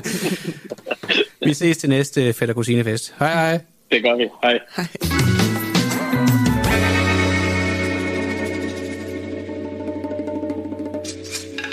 Ja, det var faktisk utroligt befriende at høre fra en tidligere politisk ordfører, øh, hvor sindssygt et system det her det er. Mm-hmm. Og, og et system, vi måske ikke overhovedet kan blive klogere på. Præcis, det er fordi, ja, det er jo så omsluttet og så Pernille rosenkrantz teil som politisk ordfører. Som Hvorfor er det, hun ikke bare passer sit område og sørger for at blive genvalgt? Men tror du ikke også, hun gerne vil det? Altså, det, jeg tror ikke på, at det er hendes idé. Og jeg tror, uden at vide noget som helst om det, jeg tror ikke på, at der er ret mange af politikere i Socialdemokratiet, der bryder sig om det her system. Nød, må jeg prøve at komme med spekulation? Det er det, programmet er til for. Tror du, det er bare Bertelsen, der uh. har taget beslutningen om at indføre det? Hun har slet ikke lavet sig slude den her FE Men hvem er det ellers? Ja, det ved jeg ikke.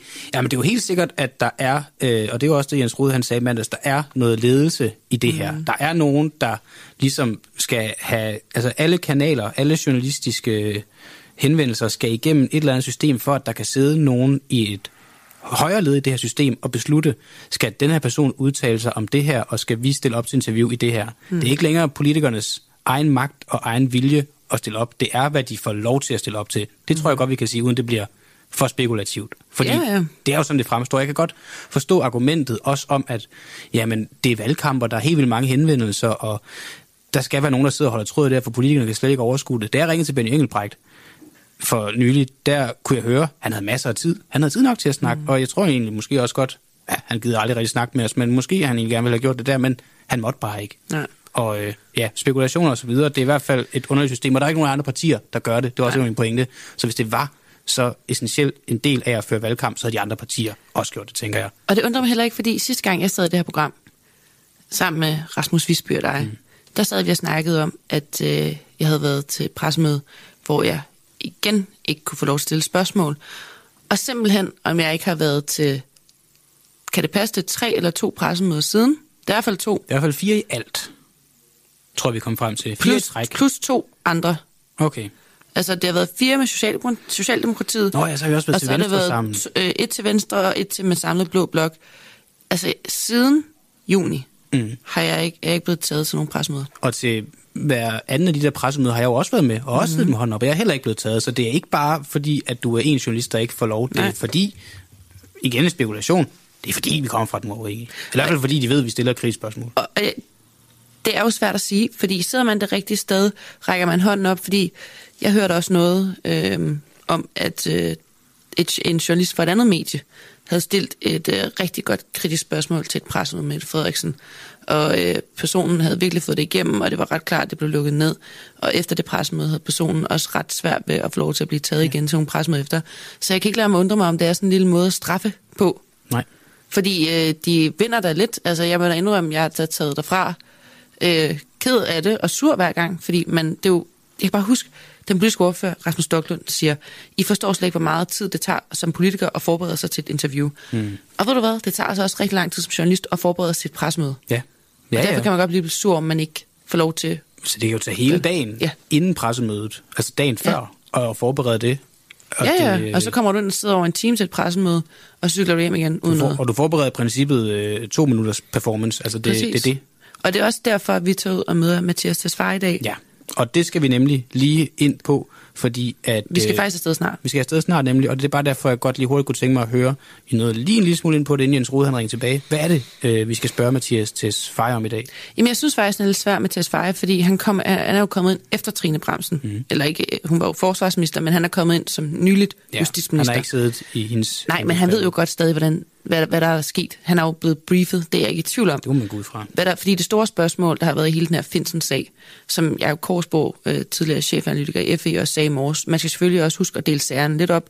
Der er FE-sagen og så Lars Finsen-sagen. Mm. Øh, men de hænger jo sammen på den måde, at Lars Finsen blev hjemsendt sammen med resten af ledelsen, og den tidligere chef, Thomas Arnkild, da TET kom med en pressemeddelelse øh, for lang tid siden. Og øh, jeg gad bare godt at finde ud af, hvem var det, der hjemsendte Finsen. Ja. Fordi den pressemeddelelse, som Korsborg siger, alle, der bare ved en, kender en lille smule til efterretningstjenesten, ved, at den vil på ingen måde holde den pressemeddelelse, fordi den kom med en kritik, der ikke var berettiget, og som ikke gav nogen mening. Og alligevel, så var der nogen, der valgte at hjemsende så mange nøglepersoner i en efterretningstjeneste. Og det er jo der, det hele startede med at gå galt. Mm. Fordi så har du alt det, der så er sket efterfølgende.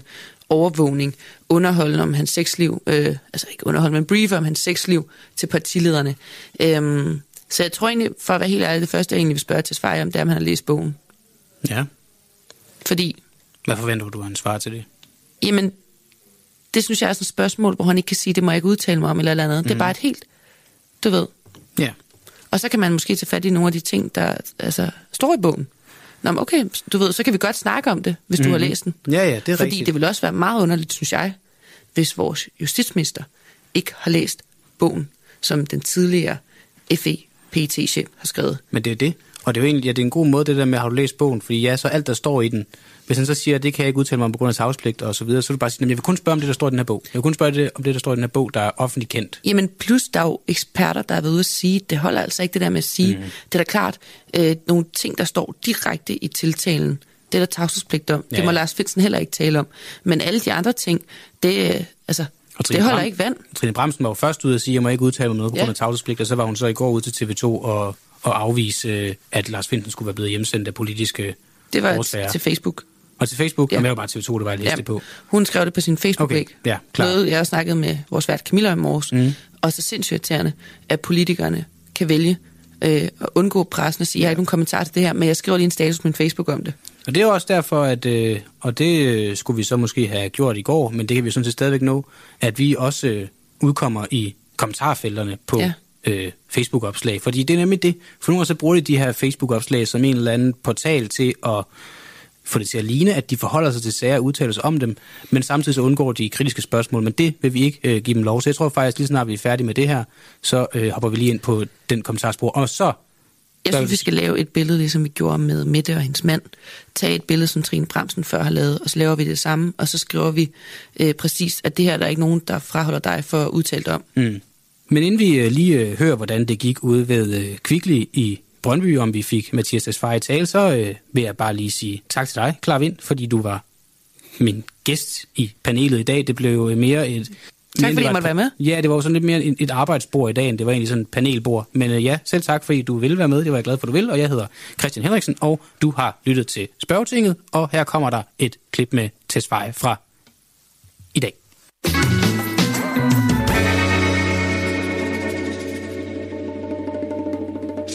Har du læst Lars Finsens nye bog? Nej. Hvorfor ikke?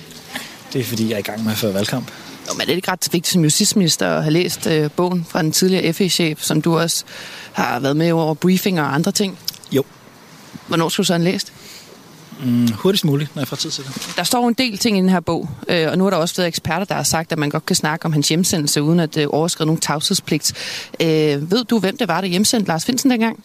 Jeg er ked af det, men jeg kommer ikke til at stå her Nej. på flade fødder. og Men jeg spørger bare, om du ved det. Men igen, jeg er ked af det, men jeg kommer ikke til at stå her på fladfod og lave et interview omkring efterretningstjenesterne. Okay. Desværre. Var du klar over, at hans sexliv vil indgå i uh, briefing med partilederne? Desværre klar. Jeg har ikke nogen kommentarer til det. Okay, men vil du så stille op til et interview omkring det? øhm, ikke i dag i hvert fald. Okay, men du lukker ikke helt muligheden for det?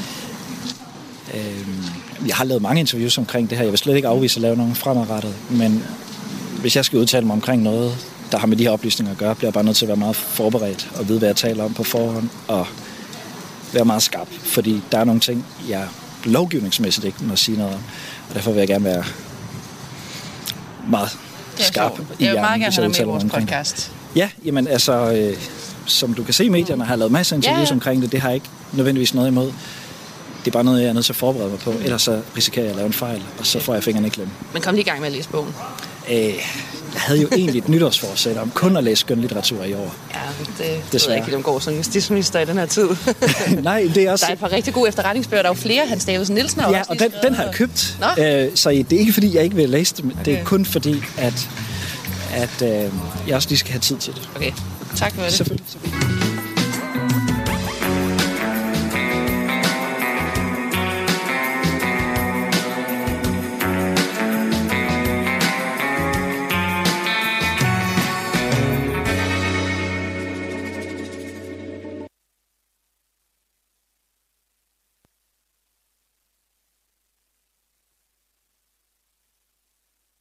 Ja, her var det så altså vores podcast Spørgetinget, øh, beværtet af Christian Henriksen, politisk redaktør.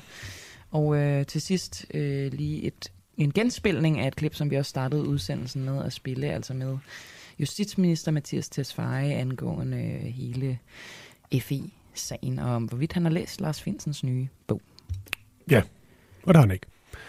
Øhm, op til klippet, der talte vi jo lidt om, øh, om den her nye måling, der lige er kommet, der, der siger, at øh, Lars Lykke og øh, Moderaterne simpelthen er det landets tredje største parti. Det er jo selvfølgelig en måling og, og alt det her, men alligevel, det er nogle... Øh, det indikerer i hvert fald, at øh, Lars Lykke virkelig har haft en god kampagne indtil videre.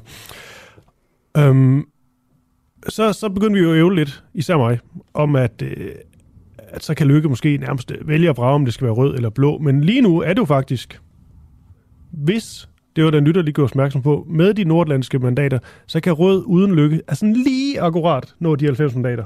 Men det er også sådan lige akkurat. Øhm, og det skal jo selvfølgelig også med.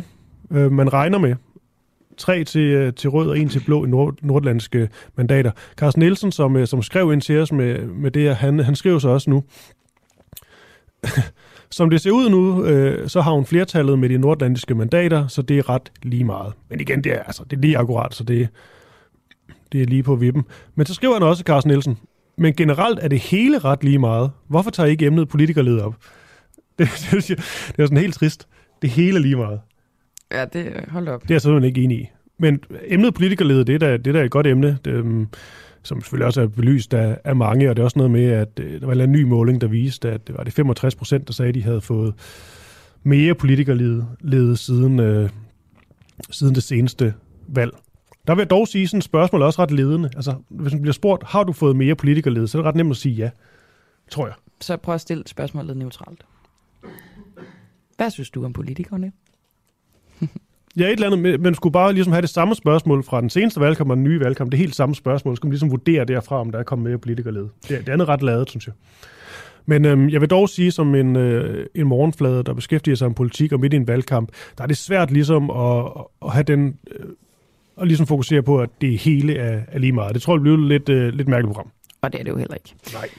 Prøv at høre, øh, vi nærmer os øh, det tidspunkt, hvor vi skal interviewe øh, Britt Bager med, øh, kons- om konservativs nye forslag om øh, hårdere straffe. Men øh, før det, så skal vi lige spille et interview, øh, som vores kollega Tobias Brun Christens, Christiansen han, øh, han begik med øh, en fængselsbetjent i går. Og øh, det handler jo, ja, som sagt, om, at øh, konservative i går kom med det her nye øh, retsudspil, som de har valgt at kalde for lov og orden. Og øh, de vil blandt andet i det her udspil øh, forsøge at opløse flere bander, og så vil de endnu en gang hæve straffen for kriminalitet. For eksempel skal straffen for vold hæves med 50 procent. Som konservativ selv skriver, så handler det om retfærdighed. Men samtidig med det, så hører vi jo konstant fra både Fængselsforbundet og fængselsbetjente, at der mangler både plads og personale til at øh, tage sig af de nuværende indsatte. Og derfor tænker vi, det kunne være interessant at høre fra en øh, fængselsbetjent, hvad han tænker om konservativs nye udspil. Og det er altså Thomas Nielsen, som til daglig arbejder i Hillerød Arrest og har 25 års erfaring som fængselsbetjent. Altså, jeg arbejder i et lille arresthus med 20 pladser, men jeg har sådan set øh, en ret klar indikation af, hvordan det står til hele kriminalforsorgen, og det er, noget, øh, det er en situation, der har været sådan meget, meget længe. Øh, og situationen er, at vi mangler personale, og vi mangler pladser. Mm. Og det ved politikerne godt. Øh, og alligevel så bliver de ved med, når de skal have stemmer, og så sige, at vi skal stramme øh, straffereglerne, eller hvad hedder det, straffeloven. Mm. Øhm, og de bruger nogle politiske greb, som de måske godt ved virker over for vælgerne, men de virker ikke over for, øh, for de indsatte, fordi det der med at stramme og stramme og stramme, det ved alle eksperter, at det er ikke noget, der virker øh, præventivt på kriminaliteten. Mm. mm. Men vil du, vil du mene, at det er blevet, øh, blevet værre øh, her på det seneste ude, ude i fængslerne, øh, eller går det, den, går det den rigtige vej? Jamen altså, man har jo strammet og strammet og strammet i mange, mange år, øh, skiftende regeringer, øh, og det er sådan set både rød og blå, der gør det. Øh, og situationen er jo, at vi øh, altså fuldstændig akut mangler pladser, øh, og det bliver værre og værre og værre, jo mere man strammer, fordi jo flere mennesker man propper ind i fængslerne, og jo længere tid de skal sidde, mm. det er klart, så, øh, så tager det nogle pladser, og det er nogle pladser, vi ikke har. Så sent som i går, øh, da jeg var på vagt, øh, der var jeg klar over inde på Københavns fængsel, der havde man minus 67 pladser. Det vil sige, der var 67 celler, hvor der sad to mennesker i stedet for en. Mm. Øhm, og jeg har også kendskab til et andet resthus øh, tæt på, der hvor jeg selv er, øh, som i går aftes måtte etablere øh, en celle i et depotrum, hvor de var nødt til at sætte tre indsatte ind i, en, øh, i et rum, som normalt ikke er egnet og indrettet til at være en celle. Så det er sådan nogle... Øh, det er sådan, hver, næsten hver dag efterhånden er vi nødt til at og sådan, skal lave sådan nogle akutte tiltag, hvor vi er nødt til at, at flytte rundt på ting og øh, spære flere indsatte inde på små rum, som øh, ikke er egnet til at være celler. Og, og man kan sige, når du sætter to mennesker, som i bund og grund ikke ønsker at være sammen, sætter dem ind på 8 kvadratmeter og siger, det skal de, så får du ballade, så kommer der konflikt. Så vi kan i hvert fald konkludere ud fra det, du fortæller mig, altså nu, nu konservative øh, har præsenteret der udspil, der går på, at de vil opløse flere bander, og de vil hæve straffen for vold med, med 50 procent. Det vil du ikke ja. mene, det er en, en god idé? Det er ikke noget, der hjælper på kriminaliteten. Mm. Det kan sagtens være, at det hjælper på, på stemmeoptimering for, for politikerne. Det, det er jeg helt sikker på. Det skal det nok. Der er masser af mennesker, der synes, at, at de, øh, vi skal bare stramme og stramme og stramme, og vi skal bare spære dem ind og, og smide nøglen væk.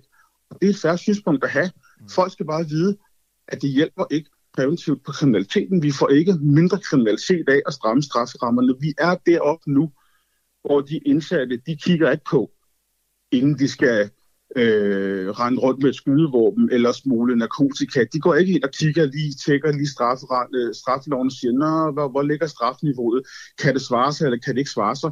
De begår kriminalitet, fordi de er kriminelle. Og så er det et færre synspunkt at sige, så skal vi bare spærre dem ind i rigtig lang tid. Men det er bare ikke noget, der hjælper præventivt.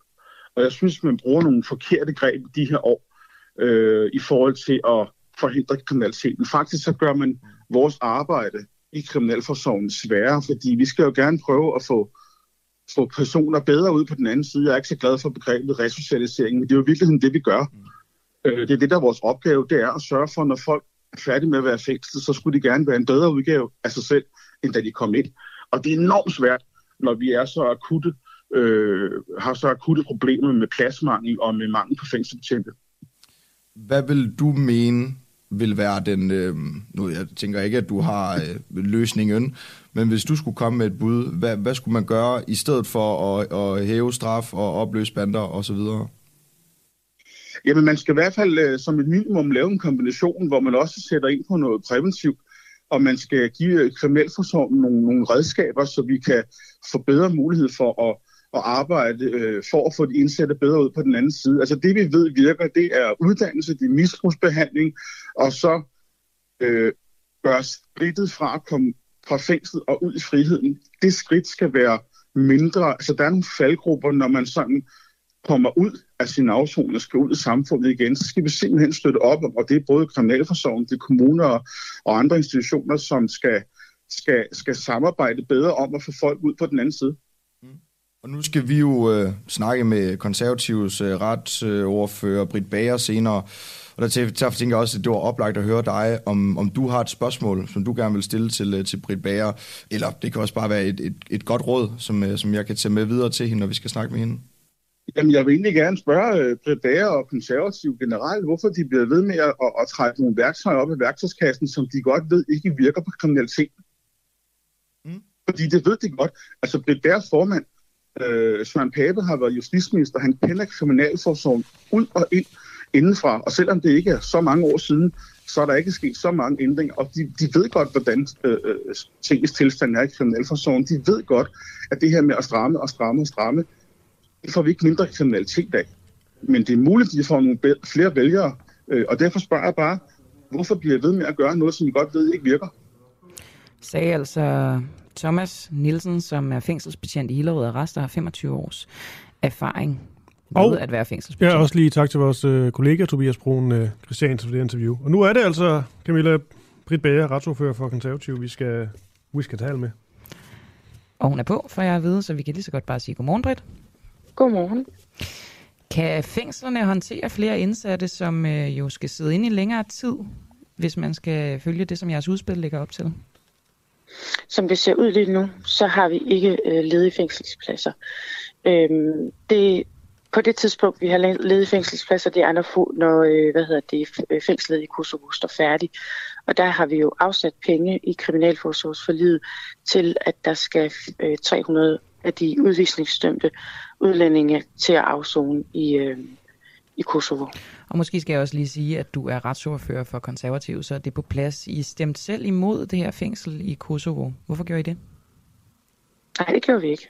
Nå. Vi, er, vi er med i kriminalforsorgsaftalen. Okay. Øh, Konservativ Folkeparti er med i kriminalforsorgsaftalen, og øh, vi er en del af, af, ja, af det. Okay, Nå, så er det på plads. Det er os, der har lavet forkert research. Det må du undskylde. Nå, men så giver det bedre mening i hvert fald. Så det er ligesom Kosovo fængsel, som skal løse det med, øh, med pladserne. Ja, altså det er jo hele kriminalforsorgsaftale, som vi var en del af, og som vi indgik i december måned.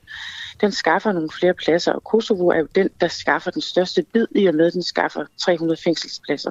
Så har vi lavet nogle andre ting også. Blandt andet har vi lavet noget, der hedder udslusningsfængsler, hvor man øh, sætter indsatte ind, som har været i fængsel i længere tid, og som kriminalforsorgen vurderer er egnet til at sidde i de her udslusningsfængsler, fordi det er et sted, hvor man ikke har fængselsbetjente, for dem har vi jo kæmpe stor mangel på, og derfor bliver vi nødt til at, at finde på noget andet. Men der, der er så socialpædagoger og socialrådgivere, som ligesom vender de her indsatte til, hvordan man skal komme ud og klare øh, en hverdag igen. De hjælper dem med at fornemme i det, de hjælper dem med at få oprettet en bankkonto, de fortæller dem ligesom, hvad er det, der venter dig? Hjælper dem med at finde bolig, øh, find, øh, fortæller dem, hvordan skal du søge et job, når du kommer ud igen.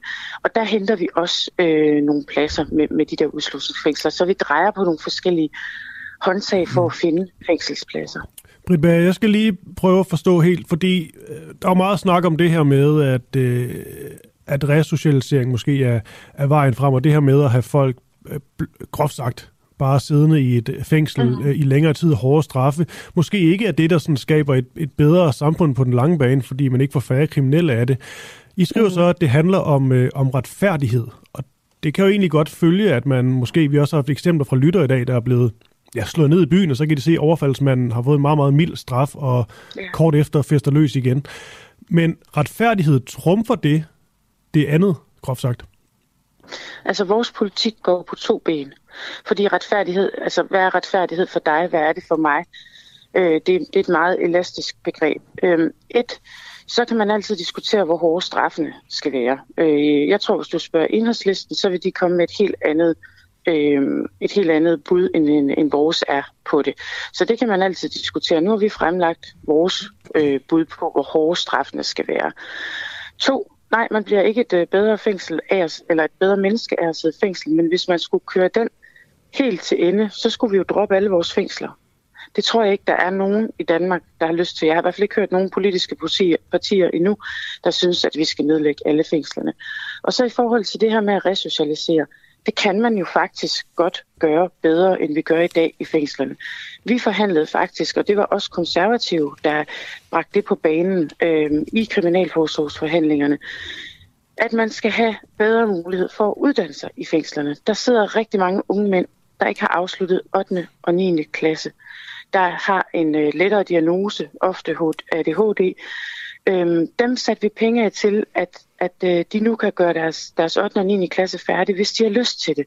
Vi satte penge af til flere lærere, flere faglærer, så de også kan komme i gang med en erhvervsuddannelse i fængslet, hvis de har mod på det. For vi vil faktisk gøre alt, hvad vi kan for at hjælpe folk på den rigtige side af stregen, og at de har mulighed for at få et kriminalitetsfrit liv, når de kommer øh, uden for fængslet igen. Men det betyder bare ikke, at de ikke skal i fængsel, hvis de går, begår en forbrydelse. Det synes vi, de skal. Men nu har vi talt med en øh, fængselsbetjent, Thomas øh, Nielsen, som øh, stiller sig kritisk over for, for det her. Jeg sidder og tænker, Britt Bager, altså en ting er det her med, at straffen for vold skal hæves med 50 procent, og det handler om, om retfærdighed ifølge jer. Er det egentlig ikke et dybest set lidt andet sted, man virkelig skal fokusere på nu, nemlig bare og i første omgang, nu nævner du Kosovo og sådan noget, men skulle man ikke, groft sagt, igen, få flere fængselsbetjente? Er det ikke der, man skal sætte ind? Det gør vi også, men, men kriminalforsorgsaftalen er noget andet end det at udlægge et retspolitisk udspil mm. om tryghed. Men jeg er fuldstændig enig i, at vi skal fokusere på kriminalforsorgen. Jeg er også fuldstændig enig i, at den aftale, vi lavede, er slet ikke tilstrækkelig. Nej, jeg føler bare, at vi har haft den her, den her snak før. Det er sådan en, der, der vender igen, det her med fængselsbetjente og så videre. Ja, og det er også fordi, at kriminalforsorgen er virkelig nødlidende, og vi får det ikke fikset. Det her det kan vi også komme til at snakke om, tror jeg, om et mm. år. Altså, vi har oprettet nogle nye skoler, vi har givet dem, der vil uddanne sig til fængselsbetjente, dem har vi givet løn under uddannelse. Så det, vi har gjort, øh, er jo altså det rigtige, men øh, det er ikke noget, der bare bliver quickfixet på, øh, på et halvt eller et helt år. Vi skal have rigtig mange i gang med at søge hen mod fængselsbetjente uddannelsen, og det er et langt og et sejt træk. Og så skal de fængselsbetjente, der allerede har, altså arbejder i dag, de skal jo føle, at arbejdsmiljøet bliver bedre. For ellers så får vi, vi dem ikke til at blive i, øh, i branchen. Så jeg er helt enig i, at det problem, med øh, fængselsbetjente øh, og kriminalforsorgen, det, øh, det skal vi da have løst. Øh, jeg sidder bare ikke og siger, at, at det kan jeg gøre overnight, men vi er på vej, og vi har sat en masse tiltag i gang. Britt Bær, hvis vi skal tale om øh, finansieringen af det her Kosovo-fængsel, som er en del af løsningen øh, på det udspil, som I fremlægger, øh, I har været med til at bremse finansieringen af Kosovo-fængslet, som jeg forstår det. Så kan du ikke lige uddybe, hvordan vi skal få råd til det? Kosovo-fængslet sidder vi og forhandler økonomi om nu. Vi har siden august måned bedt ministeren om at indkalde til forhandlinger på det her. Det har han ikke lige haft tid til. Han har haft tid til at indkalde til forhandlinger på bandepakker for eksempel, men han har ikke haft tid til at indkalde til forhandlinger på Kosovo, øh, på ny økonomi til Kosovo. Det, det blev vi indkaldt til tre dage før valget, øh, og det fandt, der fandt vi sjovt nok ikke en løsning. Vi har fremlagt vores løsning på, hvordan vi skal finde penge til, øh, til Kosovo-fængslet. Og jeg håber absolut, at øh, ministeren han er indstillet på, at vi tager det her op lige efter øh, folketingsvalget. Alright. Vi har faktisk et spørgsmål, vi sender videre.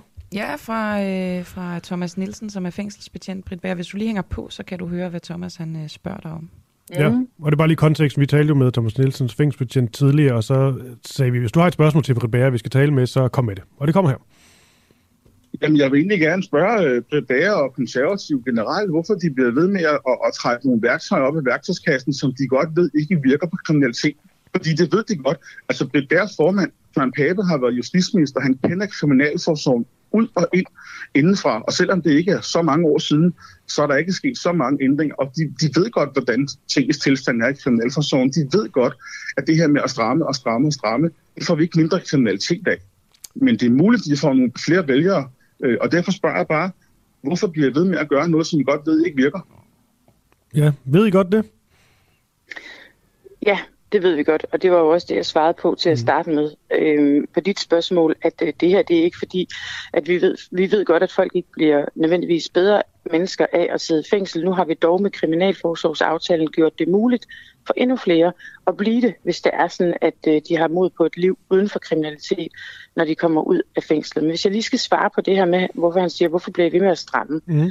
Jamen det er jo fordi, for os der er offeret øh, vigtigere end den kriminelle.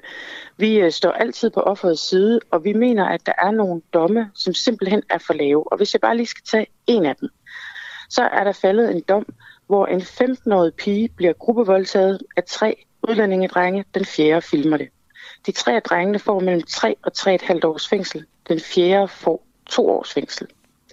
De mennesker, de skal afzone to tredjedel af deres straf. Det vil sige, at den pige, hun kan møde sin gerningsmænd, dem der har voldtaget hende på skift, i et skur efter to år på gaden. Hun har nu angst, hun har PTSD. Hendes familie er valgt at flytte fra området. Her synes vi bare overhovedet ikke, at den tid, de drenge skal sidde i fængsel, står målt med grovheden af, af den Men er øh, det ikke vigtigt at, at finde ud af, at, eller ligesom lave en løsning, så det slet ikke sker i første omgang? Hvis du kan finde et land i verden, hvor at øh, det er sket, så, så hører jeg meget gerne om det. Jeg har, jeg har aldrig oplevet, jeg har ikke oplevet nogen steder, der er kriminalitetsfri samfund, men hvis der er nogen, der kan hjælpe med en løsning på det, så ser vi meget gerne på det. Lige nu, der ser vi på, at der er nogle forbrydelser, der efter vores mening ikke står mål med den grovhed, de har. Og det er det, vi prøver på at slå hårdt ned på med det her forslag. Vi er altid på offerets side. Vi, vi, vi skubber ikke den kriminelle foran offeret. Vi er på offerets side. Vi vil gerne være med til at forebygge. Vi vil gerne være med til at give den kriminelle en mulighed for at få et bedre liv, øh, når man sidder inde i fængslet. Men, men, øh, men de to ting bliver vi nødt til at kunne skille ad. Britt Bager, til allersidst meget kort. Hvis du ikke kan få Søren Pape som statsminister, vil du så helst have Lars Løkke eller Jakob Ellemann Jensen? Den drøftelse tror jeg, vi tager, når den bliver aktuel. Det er godt. Jamen, øh, så vil jeg bare sige tak, fordi du var med. Selv tak. God dag. Retsordfører fra Konservativ. Ja, goddag.